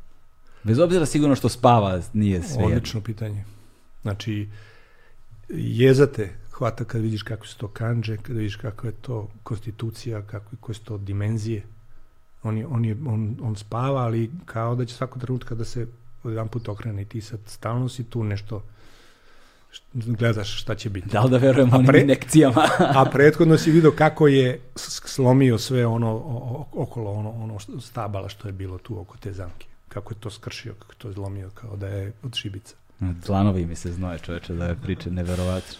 To je, ovaj, mi smo fascinirani medved, mislim tamo kad sam bio na kod koji toga je bilo medveda na svakom koraku. Ko, kao... Jesi ih vidio slobodno? Da, da, da, puno puta. Pa išao sam na Svalbard da bi snimio belog medveda pa, da. i njega smo snimili i ujurili smo ga iz toga, boga mi, dva dana tragovima išli, išli, išli i... Kako izgleda praćenje tragova? Mislim, jeste ih baš ono u snegu? U snegu lako, znači, da. on je tačno, i ovi što, što, to su Norvežani bili sa nama dvojica, oni su tačno, tačno znaju po tragu koliko je svež, mm -hmm. nema greške. Nije to problem. Jesi naučio neke tehnike praćenja, gledanja tih trakova, tragova? Ne, ne možeš tu, to je, sneg je njihova, kako bi ti rekao, kao eskimi koji imaju za led i za sneg ne znam koliko izraza. Mm. A mi samo zanesli sneg, sneg. Da, da. A on ima, mi imamo ono lapavicu, ne znam, A on ima takvih 30 recimo na. Da, da, da. Tako isto i Arapi za pesak imaju. Pa da. Mislim Arapi ta subsaharska je taj deo, to pojas, ono, znam ja i po svom kumu, moj kum, večni kum mog oca je Marokanac koji je odrastao, da. rođen je baš blizu Sahare. I, ovaj, I onda, znaš, ono, ima milion različita. Šta oni sve vide kad pogledaju samo ovako, nama izgleda pesak. Znaš, oni vide svašta nešto još. Pa to je to. Ovaj, a konkretno, kad smo jurili Belog medveda, da ga snimimo samo, naravno, smo vozili one motorne sanke mm -hmm. po zaleđenom moru. A, da. Ali kako se zna da li koliko je debljina leda? To se satelitski prati. I oni imaju aplikaciju na telefonu ili šta već imali su neki uređaj i on, je, on gleda tu da li je tvrdi ili nije, da li je dovoljno jak da možda prođemo. I to su sve fjordovi. Mm -hmm. I sad ti ako, ako je slab led, ti moraš da ideš obalom. Ako je čvrst, možda preprečiš i tako veći teren možda obiđeš. I sad mi dolazimo i prelazimo taj fjord, more, i zadnjih dva metra se ovaj, nema, nema više leda, nego je voda. Zadnja dva metra? Dva metra do obale. I sad šta da radimo? Da idemo i on kaže, ja, sad ćemo da probamo, i on se zaleti i pređe na obalu. Ali sad kao, da li vidi to da radite ili da ne radite, bolje ne. I vrati se on, zaleti se nazad i vratimo se i prespavamo u jednoj kolibi tu i idemo sutra, sigurno će da se to popuni, jer je mhm. hladne su noći. I sutra dan mi krenemo prema tom delu gde treba kao preprečimo, nema leda nego more. Uje. I to se i to je more toko crno to, to izgleda stravično i opasno, da, da smo samo onako gledali iz daleka sa onim motornim sankama i kao nazad, on kaže da, da, nazad, ovo, ovo kaže, ne pokazuje uopšte da ima, ovaj, odmah mu je pokazalo zapravo da nema više leda. Uopšte, da. I to nema problema. To smo završili, otišli obalom, videli tragove, jurili ga, na kraju ga našli. Snimili ga, on jadan počeo da beži i bilo mi žao što smo ga toliko uznemirili. Dahtao, dahtao, to nije dobro za njega. Da. Kaže, hoće da mu srce da ga izda. Vraćamo se nazad, sad treba da pređemo fjord, ali nema drugog puta, nego samo taj fjord. I ovaj tip zove ga ovaj i kaže, desne, tu smo. Pa kako ćete sada? Pa kaže, sad ćemo da pređemo fjord, to je kilometar. I onda idemo, nastavljamo sve obalom i vraćamo se. A on kaže, ali meni pokazuje da više tu nema leda. Kaže mu ovaj tip preko telefona. Kaže, kako kad ja vidim? Pa izgleda da je tanak Kad ga, kad ga satelit ne registruje više. A čekaj, a vi ste na ledu? A mi smo već na ledu. Tek smo tu pored obale. I kao, šta ćemo sad? A on se smeje, pa kaže, pa čim ima, pa vidim ja, kaže, a ovaj kaže, ali satelitski izgleda da je tanak ili, ili nešto se dešava, izgleda da, da, je, da, je, da je riskantno, nemojte da radite. On kaže, ma ne, ne, na moju odgovornost možemo sigurno. I sad je njegova procena. I sad ti pređi tih kilometar posle te njihove priče. Čekaj, ja, na kom jeziku su oni pričali? Na, engles, na A, norveškom, ali mi prevodi ovaj. Aha. I ja kažem, pitam ovog duleta, ovog snimatelja, pa idemo šta ćemo, samo gas. I taj gas i gas i gas i pređu smo i kad smo prešli, samo što nisam ono dole klekao. I rekao, kad prežive, prežive smo ovo. Je li to bio najteži trenutak? Nije, nije, ima, bilo je isto nekih scena to u, u Sibiru sa nekim avionom koji je počeo da štuca nešto i onda... Koji avion? Avion postoji dan danas i ovdje u Beogradu i služi za zaprskavanje komaraca. Šta neki? Oni, An, de- An 2. to su oni propelerac neki. Da, da, An 2. Što ima du- krila sa ona kao dupla. Da. Nema dupla u stvari, ali ima propeler napred. Da.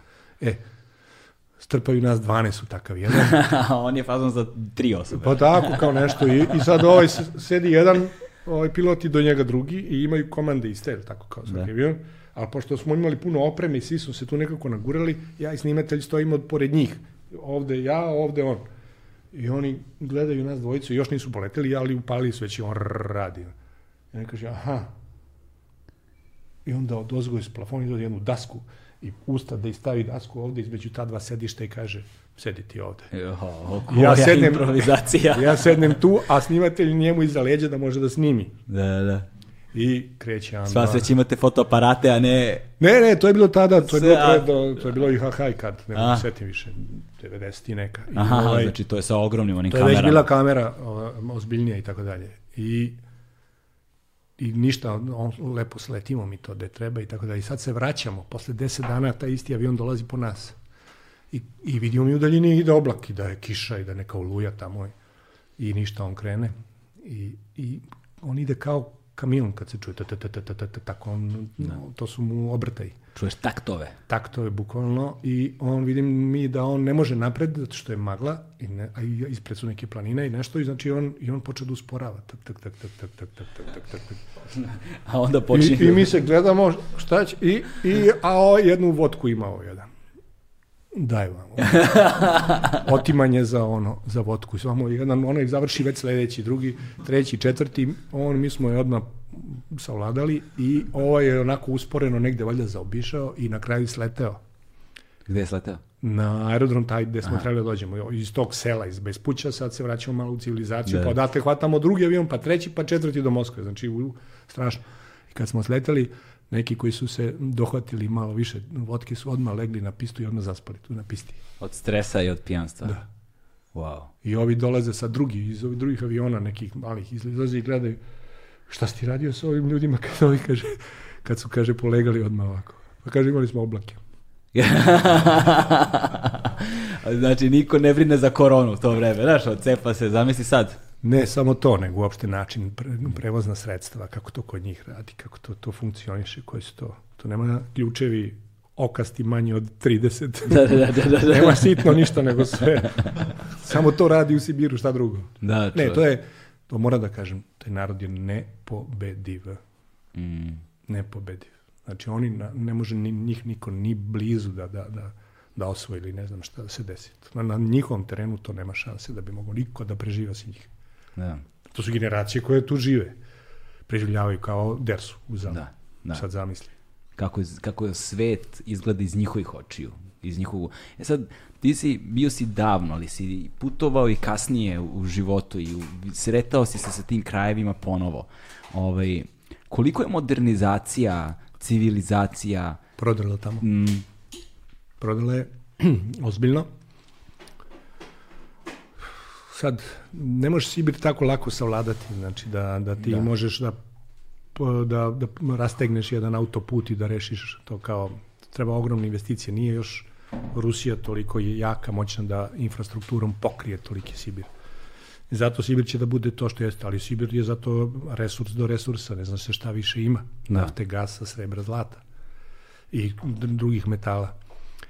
Probija se civilizacija onoliko koliko, koliko treba za eksploataciju tih e, prirodnih bogatstava, a ima i netaknutih i dalje i ostaće za vijek i vijekov. Ogromno prostranstvo, mm, pa os, devet časovnih zona. da, devet časovnih. Da, sjećam se da je bilo pre nekoliko godina ideja da uvedu univerzalnu časovnu zonu, ali da je to propalo načisto. I taj narod je, je kroz ratove, nažalost, mnogo stradao, čak i nepotrebno, ali je ovaj e, imao takvu istoriju i taj narod je, e, kako bih rekao, očvrsnuo, taj narod je žilav, taj narod je uporan i dosta imamo sa njima sličnosti i u, u, na kraju krajeva, ajde kažem i, i verski smo na istoj strani Da, i istorijski. Istorijski smo, oni su nas pomagali i to tako ide. Mada dolaze nove generacije koje to manje znaju i manje se trzaju na ime Srbija i tako dalje. Pre dve godine sam bio zadnji put u, u, na gore na u Murmansku i, i kad kažemo mlađim generacijama mi smo iz Srbije, ono pa, kao i svaki drugi stranac tako te gleda. Ali kad su došli stariji, Srbija, e, da je i odmah vodka da se večeras ovde družimo, da se donese hrana i tako dalje. Da. I to je dobar osjećaj. Jeste. Nema puno mesta na svetu gde ćemo da odemo, Da. barem ne više, ovaj, i da budemo primljeni na takav način. I onda je svaki, sva, svako to iskustvo je veoma dragoceno. imaš, imaš, još sam se jako lepo osjećao na Kritu i u celoj Grčki, Grčkoj i na Kritu posebno. Kad sam u, u, u, u parkirao kola u, u, na, u, na Kritu i to je na malom selu i dok se ja nešto mučim da parkiram, ovaj jedan iz kafane, vlasnik, vjerojatno, ovako pokazuje rukom, gleda registraciju, odakle si. Ja kažem, Srbija, Srbija. Polazi sada za sto. Tu da si seo. O, to me je oduševilo neko. Ovaj, to je vjerojatno jedna od stvari koje se tebi baš često dešavaju, o, a to je ono, ta, ta, ta, to gostoprimstvo na koje nailaziš upoznavajući različite ljude. Sad ovo, zašto ovo pominjem? Zato što bih voleo da bez obzira na sve ove zanimljivosti, razgovor vratimo malo nazad u Srbiju, jer sva ta putovanja, sva ta iskustva s- a, su ti sigurno otvorila uh, jedan, no- jed, osvetila naše prostore, naše ljude, naš narod, naše društvo, naše tradicije, običaje, kulturu iz jednog novog ugla. Znaš, da, jer, jer ti si sad posljednje godine posvetio zapravo istraživanju iako malog ovog našeg podneblja ovde. Pa uvek sam, uvek sam se motao, da tako kažem, i, Da. i, i istraživao i, i taj izraz sela, prirodu našu i tako dalje i tako dalje. Pričamo o, o našem karakteru ljudi i ono malo čas što smo pomenuli kroz politiku, što sam ja ovaj, dodao i to domaćinstvo i domaćin. To nema baš tako lako da se nađe po svetu. Nemaju ljudi taj osjećaj da treba bude domaćin, da te ugosti, da se on predstavi kao dobar domaćin. To baš i nema. Pogotovo na zapadu. Da. Na zapadu možeš da si, ne znam kako, ne kažem da neće da te ugosti, ali to nije to. Mm. Nije to to, nije taj rang. Ti ovde, bre, ljudi ovde kad se pojaviš u selu, oni to se kolje jagnje. Je tako? Da, da. I to, to ne možeš da nađeš redko gde. Ovaj, To uvrediš ako ne prihvatiš ono, tu svašta ima, znaš, ono, Jer vidiš, e, dobro si to rekao, to sam ovaj, shvatio da smo i mi to pokupili negde iz Azije. Mm. U Tadžikistanu ne možeš ući u kuću, a da ne jedeš. Da. Ne možeš ući, čim si ušao kroz uh, plot vrata da. u, u dvorište, ti već se podrazumeva da ćeš da popiješ i da pojedeš. I oni već odmah imaju tanjer neki i tu. I šta ti nude? Parče hleba i vode ili čaj. I ti to moraš pojesti. I ja sad kažem ovome što, što nas je vodio, rekao, čekaj, sad smo kod ovih ljudi jeli, zar moramo? Kaže, ne, ne, ne, mora, mora da se uredi. I čini mi se da je to došlo Mm. i odatle. Pa ima puno toga u islamskim zemljama, mislim, moj otac je poreklom, Da. moj samo poreklom, moj otac je iz Somalije, ja sam dakle poreklom iz Somalije, ali pored toga imam, e, rekao što kaže, moj kum je Marokanac, ovaj, imamo veliki broj porodičnih prijatelja, to je, ne, te, bile zemlje nesvrstanih Jugoslavija, Da. sada su rasejani po svetu i ogromna je porodica sa Ćaletove strane koju posećujem svuda, žive po Holandiji, ovamo, namo. Viđamo se, ta vrsta gostoprimstva postoji kod njih.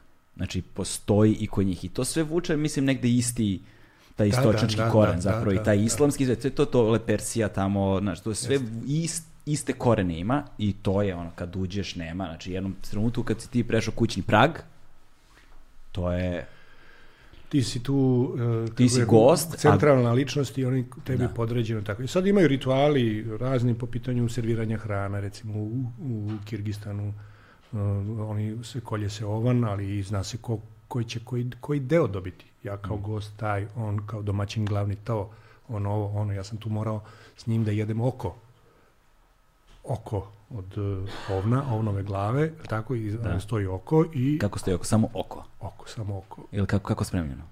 On, ta glava je skuvana, Mhm. ali izvađeno oko i stoji na tanjiru. I on ga preseče na pola, jedno meni, jedno on pojede. A kad ga preseče na pola, ovaj, Ovaj- jel, jel, ka, kak, mislim, kakva je, kakva je tekstura, kako, to izgleda? Pa nije tečno, nego je onako m, kako bi rekao, bareno. Bareno, kao bareno jaje. Da. I sad Jel žilavo? jeste i, i nije. Kakvog je ukusa oko? Pa ne mogu to da ti sad, da ti, pa ne znam sad da se vratim unazad, ali nije lako ni pojesti, ne, ali sam ja to ispoštovao, jer oko se daje gostu da bi se ponovo oni videli, da bi se domaćini i ja kao gost ponovo videli. I ja uzimam to pola, on povede pola i tako to ide. A sin od glavnog domaćina stoji sa strane i on ima ovakve posude i on servira šta ko jede. Mhm. Znači bio sam ja i još jedan sa mnom snimatelj i još jedan naš koji nas je tu i, i o, doveo, neki pokojni Milun Radenković, mora da ga pomenem jer ga svaki dan se setim tog čoveka. I, I onda su nam oni servirali tako to. I kad počneš da jedeš, znači zna se koji, koji deo dobije. Znači genijalno ovaj, kako se to poštuje. I koja je to hijerarhija i Sve, sve. značenje I to svega toga? Mnogo mi se dopao taj narod. I pogotovo kad sam bio u Tadžikistanu gde su me odveli, to je na granici između Tadžikistana i Afganistana, opet neka zabito, neko selo i jedva smo stigli do njih. Tako su nas, oni su nas uslužili onim što smo mi njima donali na poklon, on nema i nema ništa drugo. A ovaj je znao, taj Kirgiz koji nas je vodio kod njih, idemo na pijacu da kupimo da bi mogli njima da, da ponesemo to kao poklon. I mi sad njima nosimo hleb, ne znam ovo, ne znam ono, on posle iznese nama to i ponudi nas. Da. Genijalno. To šta je gost u kulturi. Da, da. Dobro, kažem, uh, uh, uh, imao sam tu sreću, vraćam se nešto na, na neku priču, pade mi na pamet, da sam poželeo da odem na neka mesta na ovoj zemljinoj kugli i da mi se to ostvarilo. A ja ne znam, nisam, nisam tada, kada sam poželeo, znao da će se to desiti, niti sam imao ikakvu ideju kako bi ja to realizovao, da, kako bi došao. I sve, gde sam sanjao, u Norvešku sam sanjao, Svalbard, Sibir koliko puta rekao kad bi ja tamo išao. Sam gledao knjige, proučavao, a onamo kad ću. A to sam kao student, znači nema veze sa poslom koji ću se kasnije baviti, nema veze sa time da ću praviti emisije jednog dana ja. Sad, sad imam problem što ne znam gde bi sad, jer mi više sam ispucao sve te svoje želje. Sad u svoju brvnaru, pod Sad samo. Brnara, da. Pod notare. Tako sam te ja i ukačio, jer ono, ja sve vreme čekam da si u Beogradu. Da, I- ali meni se ne dolazi u Beograd i onda To, to, to. I kaže, meni, i kaže meni Jovan, kaže, e, ja ti u petak idem nazad, ukoliko mi rezultati budu ok, odo ja. Rekao, dođi u petak ujutro da snimamo, nemoj da zjebamo.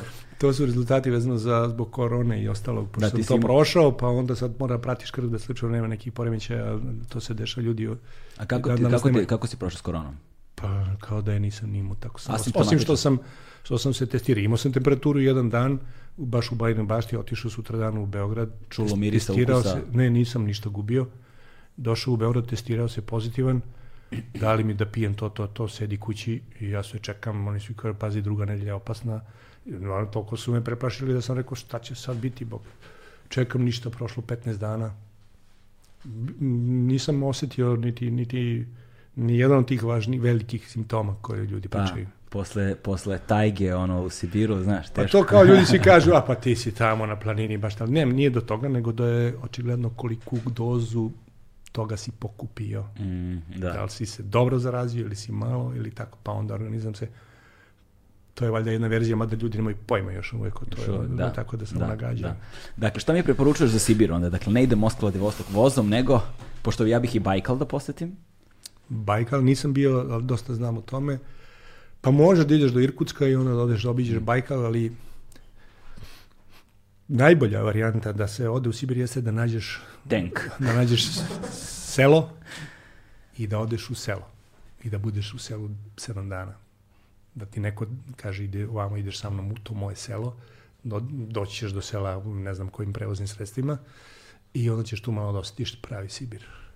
Sve ovo što se, što se drži glavnih puteva ili, ili aerodromskih pisti nećeš, nećeš mnogo videti. Može, ali nije to to. Mislim, toliko ima, sad mi naviru mi prosto slike, šta bi još sve moglo ti ispričati da ti bude i zanimljivo i smiješno, ali mislim da stvarno nema smisla da će to trajati i, i da nemaš ni ti i ovako željan ovog razgovora da ne bi imao više nerava za tako nešto. Ove, apsolutno, Jesi, apsolutno. jesi planirao ovoliko, jesi planirao još neke teme ili smo otprilike, za- ne mislim da idem, nego Ne, samo te pitam, ne, jesi još ne. nešto želeo da Na otvoriš? sve bih otvorio, znači severni pol bih otvorio, Sibir smo tek načeli, znaš, ovaj, ali um, Ali sam isto takođe želeo da pričamo malo i o Srbiji, o Rekao tvojim si, iskustvima sa selima i želeo bih, za kraj bih volao da ostavimo temu očuvanja životne sredine, iskustvo čišćenja drine, da ipak ceo ovaj razgovor, bez obzira na putovanja, bez obzira na uvid u tebe i tvoj život i tvoju karijeru, bez obzira na svu lepu atmosferu i zabavu, da ipak negde ga zaključimo nečime što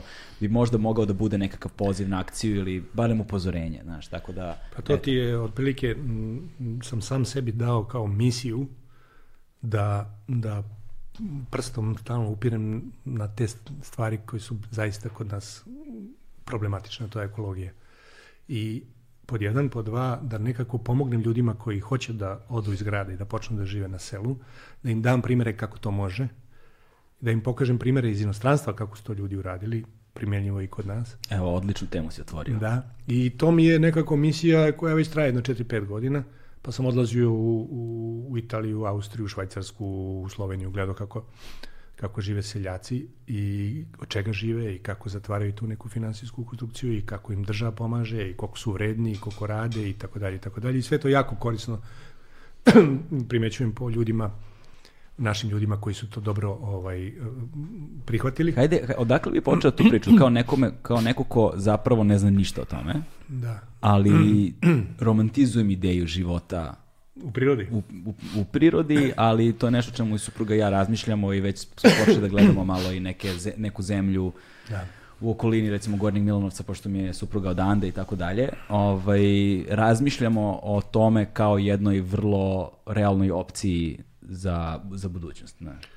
Pa niste jedini u ovom trenutku, baš zbog virusa i zbog svega, nema ko, ko se nije počeo da bavi Ja, skočila je cena, znaš koliko? Da, da. Gde, bi, gde bi plac kupio, gde, bi, gde ono mi imamo zemlju, gde ono kad smo poslednji put bili i onda op, sad, sad je selo Mm. u onako baš dobilo na, na ceni, što je dobro. Um, kako to za nekoga ko, ko razmišlja o tome, ali nema pojma, jel? To si otprilike tako hteo da pitaš. Pre svega, e, selo, um, mora bi sa nekim materijalnim sredstvima da odeš da živiš. Ne možeš praviti tamo novac na selu, odmah. Znači, moraš nekom rezervom da odeš i da, da uspostaviš neki život. S obzirom da ti ovo isto što sad radiš, možeš da radiš i na selu, malte ne. Da, Možeš vizualno da, da radimo preko Skype-a. Između ostalog. Možeš da sam A što ljudi ne bi dolazili da ih ugostiš, I još iskuse, bolje. da. Dođite kod mene na ješćemo moju hranu i bit ćeš moj Da. gost dva dana, provešćeš se ko nikad i tamo ćemo da pričamo. Tako je. A to ima varijacija, mali milion šta sve može da radiš. Mm. Time ćeš sebi olakšati život, život na selu je daleko lakši nego u gradu. Ti sebi možeš da... Vidiš, ja sam Da da budeš- drugačije. Ti, ti, ali, mislim, kažem, uz neki start, ti možeš biti samodovoljan na selu, u gradu ne možeš. Mm. Gde ćeš da posadiš, šta ćeš da posadiš i od čega ćeš da živiš. Mislim, do hrane i vode na selu je lakše doći nego u gradu mnogo puta. Sto puta. Dalje, uh, selo ti daje neku rastrećujuću atmosferu od ujutru do uveče. Nisi ti u nekom roku. Sad ćeš ti da stigneš u 10 sati, ti počinje to. Ako ne stignemo, onda ovo, zovi telefonom. Tamo je sasvim polako. Ima vremena. Krene ujutru kafa i do 9-10 sati se pije s ljudima kafa i posle idu ljudi rade neki svoj posao i tako dalje i tako dalje. Selo pruža mnogo mogućnosti da se baviš pčelarstvom, da se baviš voćem, da se baviš sto, ovim domaćim životinjama, da se baviš proizvodnjom, da praviš svojim rukama nešto. Da. U gradu šta da praviš svojim rukama? Da si u betonu. Paraviš pivo. Ili recimo, ili napraviš pivo na selu, na, još najlepše. Mm. Jel Znaš pivare neke koje rade na selu? Na, na selu, da, tamo u Bajni baš ti znam konkretno, ali nema ih mnogo, nije još krenulo kako treba. Ovaj, a kad bi krenuli, mislim da bi dobro prošli, da bi dobro zaradili. I tako dalje, i tako dalje. Znači, selo ima mogućnosti. E sad, naše selo, za razliku od onih tamo sela po Evropi, nema tako dobru infrastrukturu i to je najveći problem. Da bi ti živeo sa porodicom na selu, moraš da imaš dobar put, da ti nije daleko škola za decu i da ti nije daleko zdravstvena ta nega ili ti ambulanta ili ti bolnica. Dakle, te tri stvari mora da su ti na, na dohvat ruke. Ako nisu, mučit ćeš se, rizikovat ćeš i neće biti lako. Mm. E to su te suštinske stvari. E sad ima ta priča koju ja provlačim kroz te emisije stalno. Šta će država da uradi? Kako će da pomogne povratak selu? Ili da očuvanju sela? Pa da pojača infrastrukturu, pa da donese školu, pa da uradi ovo, pa da uradi... Da, ali za koga ako će svi da odu iz sela? Hoće li se država prvo pozabaviti, pozabaviti praznim selima da bi ih napunila, ili će se prvo ljudi vratiti na selo, pa će država shvatiti, aha, imamo sad kome da pomažemo tamo, da pravimo put, da pojačamo struju, vodu i tako dalje. Pa ova druga stvar bi se svakako prirodno desila ukoliko bi se ljudi vratili pre ili kasnije bi tu morala nekakva infrastruktura da se izgradi, škola, škola bi morala da se desi ako A, bi se pojavilo 200 naš, Sigurno, ali, ali ajde sad ti ih dovedi na, staroj, ja, na staroj planini gde smo bili celo, negde tamo oktobar mesec, ima jako lepih sela. Predivni, kao da si, to su idilična mesta. Sa prazni se stanovništvo i sad nema potrebe da, da ne znam, da se ulaže nešto mnogo. I put im je sve loš i, i komunikacija sve teža. A, a sela godina? predivna. A prosek godina? Pa uglavnom to, stari ljudi. E sad, jedan put, zbog ove situacije, dolaze planinari, dolaze ovi, nisu i višli po, po inostranstvu za vreme leta, nego su došli po selima, Stara planina, Tara i tako dalje. Obišli su sve to što nisu ni znali da imamo. I, a, pa ne bi bilo loše ovde da imam neku kuću, ne bi bilo loše da ovaj, ovde dođem ponekada, možda i u penziju i tako dalje. I polako se sad stvari menjaju. Dokle vidjet ćemo da li će da ih drži to ili će kad se vrati situacija u normalu po pitanju virusa, jedan put svi ponovo da počnu da putuju po svetu, a sela doviđenja. Ko, dakle, ko ti vidiš tu promenu da se dešava? Neverovatna je promena za ovih godinu dana. I sami placevi su skočili negde i po, po deset puta, e, veću cenu su ovaj, ljudi podigli i kupuju mm. ljudi. Toga ima, a kažem, sad je pitanje kako će ići dalje, zavisi od, ovoga, od cele ove situacije zdravstvena. No. E sada, a, a kad govorimo o očuvanju životne sredine, kada govorimo o ekologiji, kada govorimo o, hajde, o ljudskim navikama, prvenstveno. Mis, naš, mislim, to, to, to mislim da sam i negde da li čitao ili čuo tebe, to si lepo pomenuo, a je to nešto o čemu sam ja razmišljao. Mi habituiramo na svet oko sebe, navikavamo se na svet oko sebe. Znaš, I onda živ čovjek se na sve navikne. I čudo je na što zapravo možemo se navikamo. Na što smo se navikavali, navikavali yes. 90-ih, na što smo se navikavali 99 na što smo se navikavali posle u 2000-ih u ovim situacijama s ovom i s onom vlašću, o tome stalno pričamo. Ali ne pričamo i o stvarima na koje se navikavamo u svakodnevnom životu. Loše navike koje stičemo, što u ishrani, što u ovome, što u onome, što u ponašanju, ophođenju prema sebi, ophođenju prema drugima, tako i ophođenju prema životnoj sredini navikavamo se na deponije, navikavamo se na đubre, znaš, šokiraš se kad prvi put vidiš đubre u reci pored koje prolaziš, drugi put se, drugi put se zgadiš, treći put ono već navikneš da lamentiraš, sram ih bilo, da. a peti, šesti, sedmi, deseti, 57. put već više i ne primećuješ. I sad, koliko, ono, kako, kako, kako govoriti o tome, a da, ta, a da to ima smisla? To, to bi najlakše bilo iskritikovati sve snage pa ovaj narod. Najlakše, najlakše bi bilo, dakle. I, I tu sam puno puta shvatio da ne možeš kritikovati jer, jer stalno se vraćamo na ono, pa to smo mi. Mm. Nije neki, neki narod jedan put došao i počeo da živi ovde. To smo mi. Pitao sam mnogi ljude zašto smo prljavi. E, tako da kažem, prljavi. A prljavo to znači već u dvorištu vidiš nešto, bače neki papir pa te mrzelo da pokupiš i ostao papir. Pa ispred vrata ulaznih opet je neke, ne, nisi počistio, ako nije tvoje, ali se ispred tvojih ulaznih vrata, tipa seoskih, mislim, mm domaćinstava, kuća, okućnica. Kaže da je to ostalo nama od Turaka. Kako od Turaka? Pa kaže, ono što je unutar tvog, tvoje ograde, to je tvoje. A sve tamo je tursko put. Daj njima sve tamo baci. Nek oni čiste. To je bio jedan revolt i jedan način otpora da se to sve što je prljavo, što bi ti bacio, sve baci tamo na put, to oni moraju da čiste, to je sad njihovo, to su oni kao došli Tako kao osvajači. I to je kao jedan od obrazloženja ili objašnjenja zašto smo tako počeli da bacamo. E sad to je, ajde da kažem, i ima i nema opravdanja. Ne, Iako zvu... ima nekad davno je to već prošli su vekovi, ne, jel? Ne, malo mi labavo to zvuči, to što da kažem. Ali kao tako je bilo, zaista sam to čuo čovjeka koji je istoričar. I imamo taj problem, mlađi, mlađi sad popravljaju malo situaciju, mora da kažem odmah.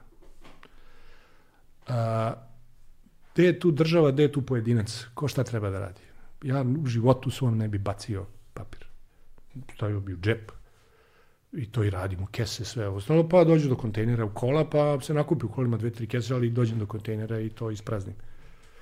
I ima nekih koji to seku šumu, ja ih gledam svako malo, ponesu flaše ovoga kisele vode, nešto tako za osveženje i ostane te flaše tu. I ti nemaš tu, nemam kakvu tablu da im, da im staviš ovo, ne, to oni ne vide uopšte. Ne, vide ni da su ostavili to. To se podrazumeva. Moj komšija je napisao ovakvu tablu sa rečima ne bacajte đubre, imate li i ole pameti. Do duše sve je bila jedna reč, malo. I odvojao. meni je to bilo, meni je to bilo toliko simpatično. I mi smo odmah slikali to i stavili na ovo. Mm. I onda on sledeći put kaže, ej, video sam opet kesu punu ovaj, nekog je izbacio se u kesu, ono, iz, iz. Neću biti lenj, nego ću da pogledam, da otvorim, da vidim da li ima unutra čije i šta je. I našao sam račun za struju ne znam šta je. Debeli, pa kaže taj, taj. On je bacio. A on opet iz tu treće kuće, a išao gore u planinu i valjda mu bilo zgodno i niz potok bacio. A, niz potok, da. To je bila priča, znači sve što potok, reka, bacaj tamo, to će sve da odnese i nema više... Nekome drugom. I tako povorke. Toga dan danas ima, ne mogu da se načudim, ne mogu, ali to, evo, pa ono što sam rekao, znači, najgore kad se navikne, pa kao pa da, znaš, šta živiš u mm. prljavštini, pa šta? Koliko A, mi je... ma s druge strane se, dosta smo glasni kako smo mi narod ovaka. Čekaj bre, si čizbre ili si prljav? Si prvo neću pričati s tobom. mislim, da, jasno, jasno. mislim banalizovano do kraja. da. Ali lepo rečeno, lepo rečeno, da. Pa, mislim, daj, bude, pristoji se, nauči to. Na kraju krajeva ima mnogo toga što se vidi i još i kudi kamo ajde može da se oprosti, kažem da se oprosti, to se skloni. Neko će da skloni. A da je ono što se ne vidi, što je prosto kao hemija. Što se plastika pretvorila u česticu. Čestica mm. ide dole, završava u vodi, na kraju piješ. To sve ima, to je užasna priča. Užasna priča. E sad, ali to je na tom nivou, mi smo ovde na periferiji izbivanja, mnogo veće plastika i mnogo veće haos na okeanu, jer on pokupi sve te druge vode koje se ulivaju. Ko će to da čisti? Da li, I onda sad postavlja se pitanje ko će to da reši? Da li oni koji prodaju proizvod u plastičnoj ambalaži, da li oni treba odmah automatski da plate reciklažu ili da oni brinu dalje šta će biti s tim. Mm. I ima tu raznih tema, ali mi, mi smo, na, nažalost, u nekom, ako rekao bih, malo kamenom dobu. Sad da, A ima nešto što se ne vidi, to samo ću ti jednu rečenicu reći, gde su otpadne vode. Kažem to, vidiš plastičnu ambalažu koja pliva ili je negde na nekom ovom e, smetlištu, a gde je otpadna voda iz ovako velikog grada, gde ona završava? Da li ide kroz filtere, da li ide kroz kolektore, da li se pretače kao što bi trebalo da. i na kraju ide čista ili sve to onako ide sve onako kako je. 2010. godine sam zapravo prvi put ozbiljno počeo da razmišljam o tome kada sam radio neku priču ovaj, i, uh, i u Leskovcu.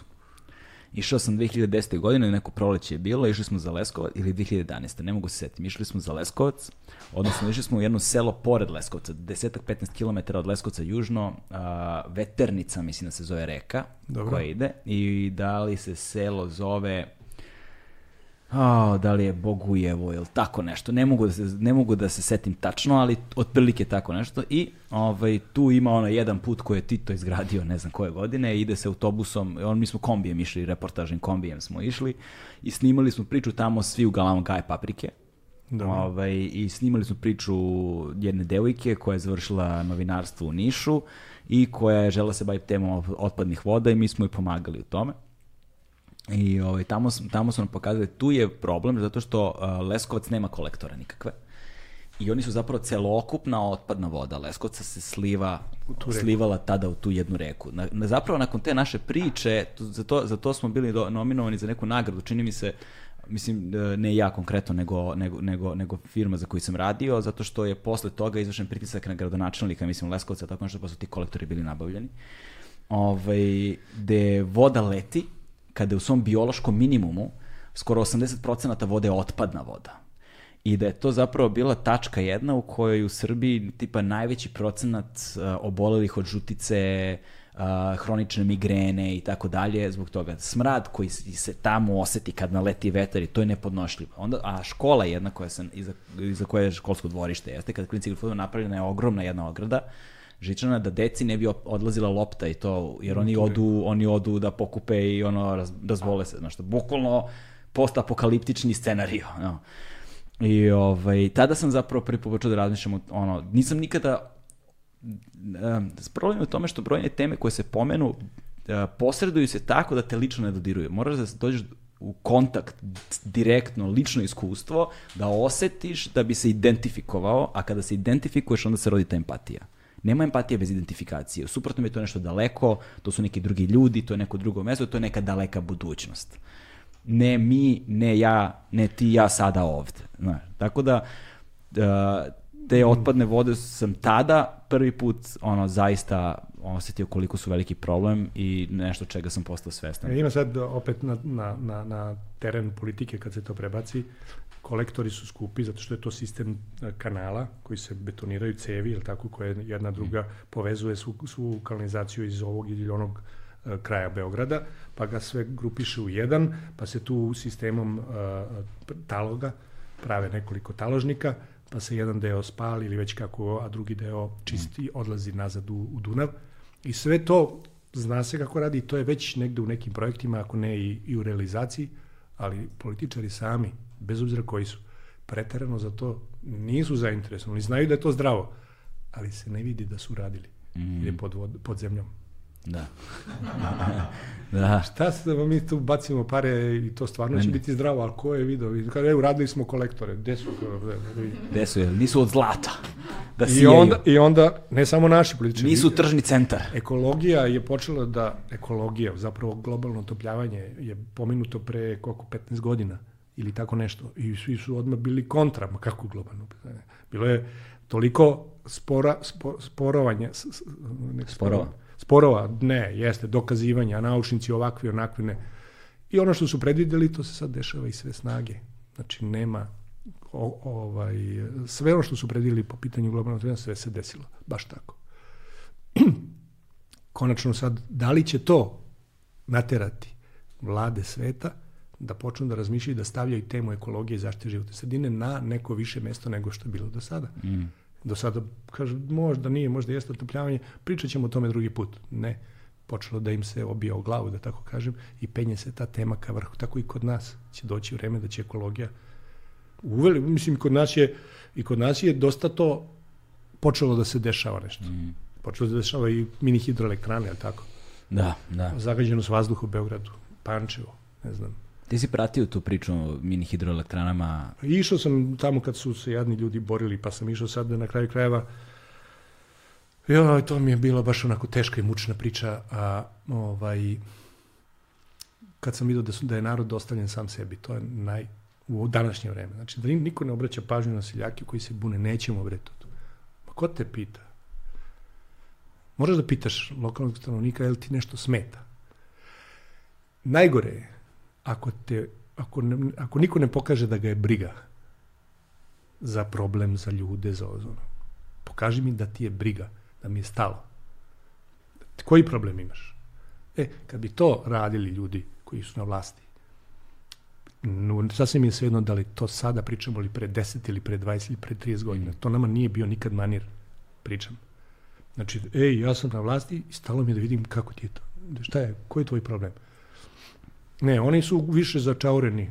Evo sad si sam rekao, dok sam ne odeš, ne vidiš, ne dirate. Da. Kako će jednog čoveka koji je predsednik opštine, ajde kaže, pomenuo si taj Leskovac ili ovo ono, da li on zna šta se dešava u desetom selu koji pripada njegove opštini? Slabo zna. Slabo zna. Ja sam sam radio priloge tako što su ljudi ostali zavejani u Leskovačkoj opštini i niko nije došao od njih da im donese lek, bilo starih ljudi, pa smo mi sa džipom išli i doturili im tamo. I predsednik opštine se izvinuo, meni rekao jeste, bili ste u pravu, ja sam to trebao da vodim računa. I to je u redu i to je neki pomak. Da. Pokaži bre da ti je stalo za svakog. E sad, recimo u, u to, ne znam, ne znam šta je rešenje, ne, boj, Ne bi mogao da kažem da samo da su političari krivi ili, ili da je vlast ova ili ona, da ima prioritete ove ili one. U jednom trenutku, verovatno, kad se sve stvari podmire, namire, onda kažu ček da ima šta je sa onim tamo sam živi u selu, da li ima još neko da živi, da li bi mogli da oživimo, šta mu treba. Verovatno to će doći na red. Ko zna kada. To jeste problem sa motivima. Postoji tačka u kojoj se svi motivi sigurno nalaze. Sami dolaze, na granicama. Na granicama se nalaze motivi. Kada tebi nesreća zlo zakuca na vrata, onda te priroda natera da se pomeriš zato što si ugrožen. Znaš, ali plašim se da kada problem očuvanja životne sredine, problem prirode uopšte, nama zakuca na vrata, a već uveliko mislim da kuca, da je tada možda već prekasno. Problem je u tome što mi taj motiv moramo da nađemo negde ranije, da preventivno delujemo, barem koliko je moguće. Znaš, recimo, ti si učestvovao si u ovom čišćenju drine. Ovaj, koliko je veliki problem zapravo sa zagađenjem drine? Šta je to što, što mu si tamo prisustvovao, znaš, jedna stvar je kad prođeš putem pa vidiš onaj horor, znaš. No, kod Prijepolja. Da. pa ja sam bio gost u emisiji na RTS-u apropo toga. I ono što, što mi je u trenutku palo na pamet, to sam i rekao. Rekao, ja ne znam da me pučkom nateraju, ne bi bio predsjednik opštine Prijepolje. Šta ćeš, ti imaš tu deponiju u kojoj si ti si ti kao predsjednik opštine s onom, što kažeš sam, smradu, da. zagađuješ sve oko sebe, haos, apokalipsa, šta ćeš ti, ti skloni se odmah odatle, nije to za tebe.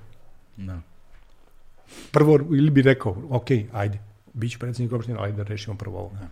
Znaš, mislim, ja, ja eto, igram slučaja znam, zato što sam bio tamo zbog nekih porodičnih veza i tako dalje, ovaj, davno, kada sam bio klinac, i onda mnogo godina kasnije, kad smo se supruga i ja izgubili jednom, pa smo se vratili, e, ali nego sam ja zapravo želeo svratiti na kolovrate dole, da. pa sam teo da, pa sam teo da vidim malo gde sam pecao te klenove o kojima su pričali na, na, limu. na limu, tako i onda prođeš, vidiš šta se dešava, i, ovaj, i onda, znaš, i onda imaš te dve, te dve slike, znaš, nekad i sad. Znači, to je, znaš, to je apokaliptično. To je potpuno ono, beznadežno deluje. To i dan danas pravi problem celoj, celom toku i Lima i, i Drine. Mm.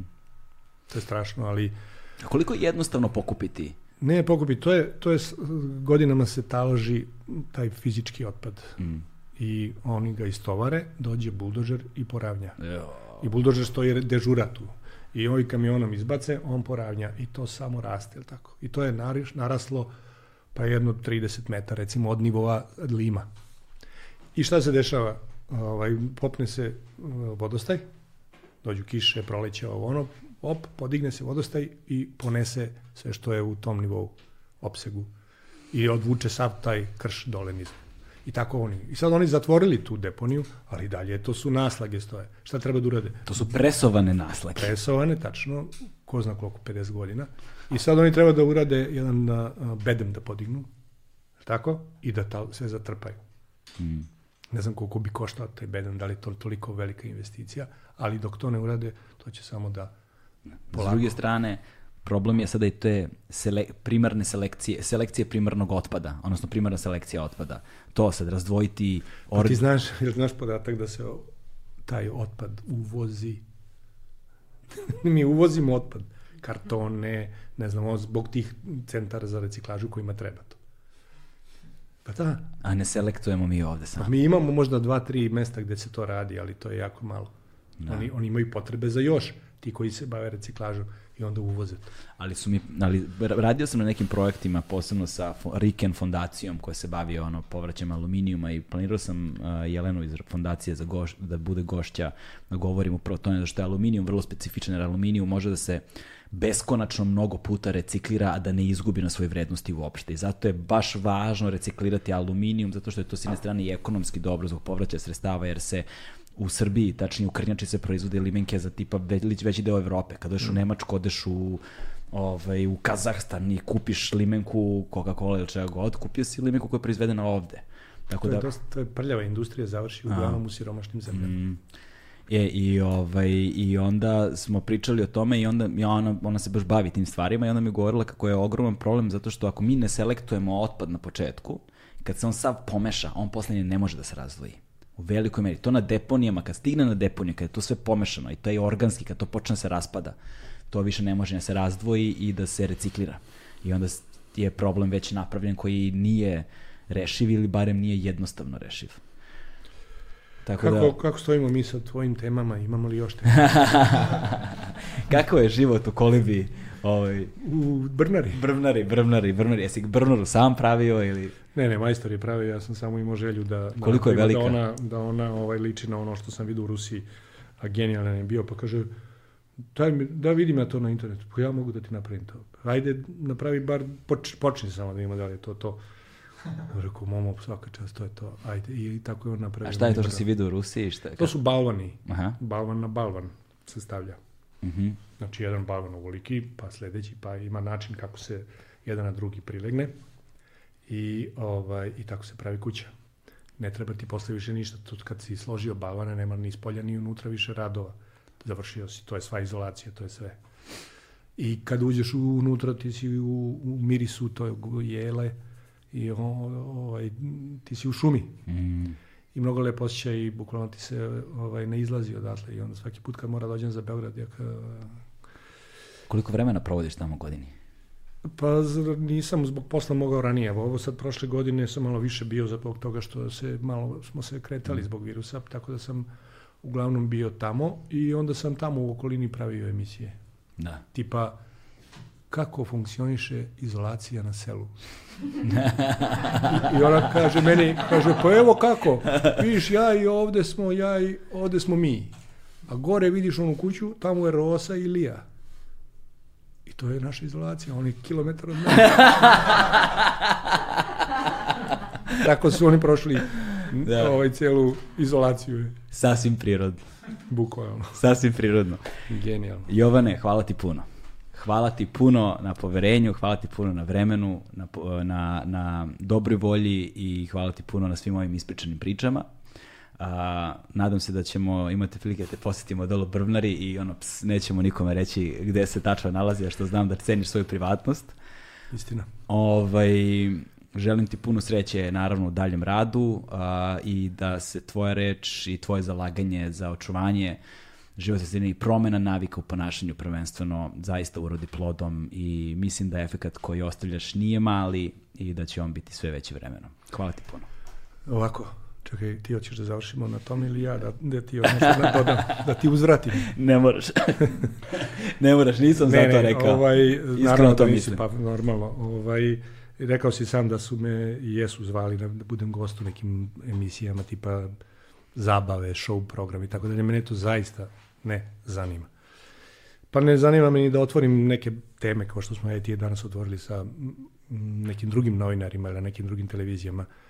Ali mi je mnogo bilo interesantno to što si tako srčan, to što imaš taj novinarski instinkt, novinarski znači da nađeš, rašlaniš i zatvoriš temu ili uopšte projekat koji si zamislio. Tako da m, nekako, kao što ti već rekao šali, ne brinem uopšte za tebe. A dobro se snalaziš u ovim novo nastalim medijskim protocima kao što je ovaj podcast. Tako je. Koji se mora se raspitam šta tačno zapravo to znači podcast. Je ti ovo prvo gostovanje u podcastu? Prvo uopšte da sam i jedan podcast video i čuo. to je ovo tvoje. Tako da ovaj to, a moja ti je preporuka da uh, izađeš iz studija, idi na teren i radi nešto. Mislim da i za to imaš i, i ono što treba, a to je taj hoću to da uradim. Da kažemo ljudima, postoji taj plan.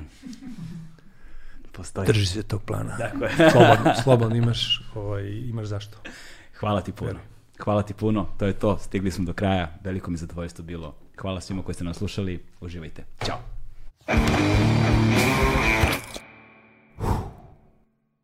Hmm.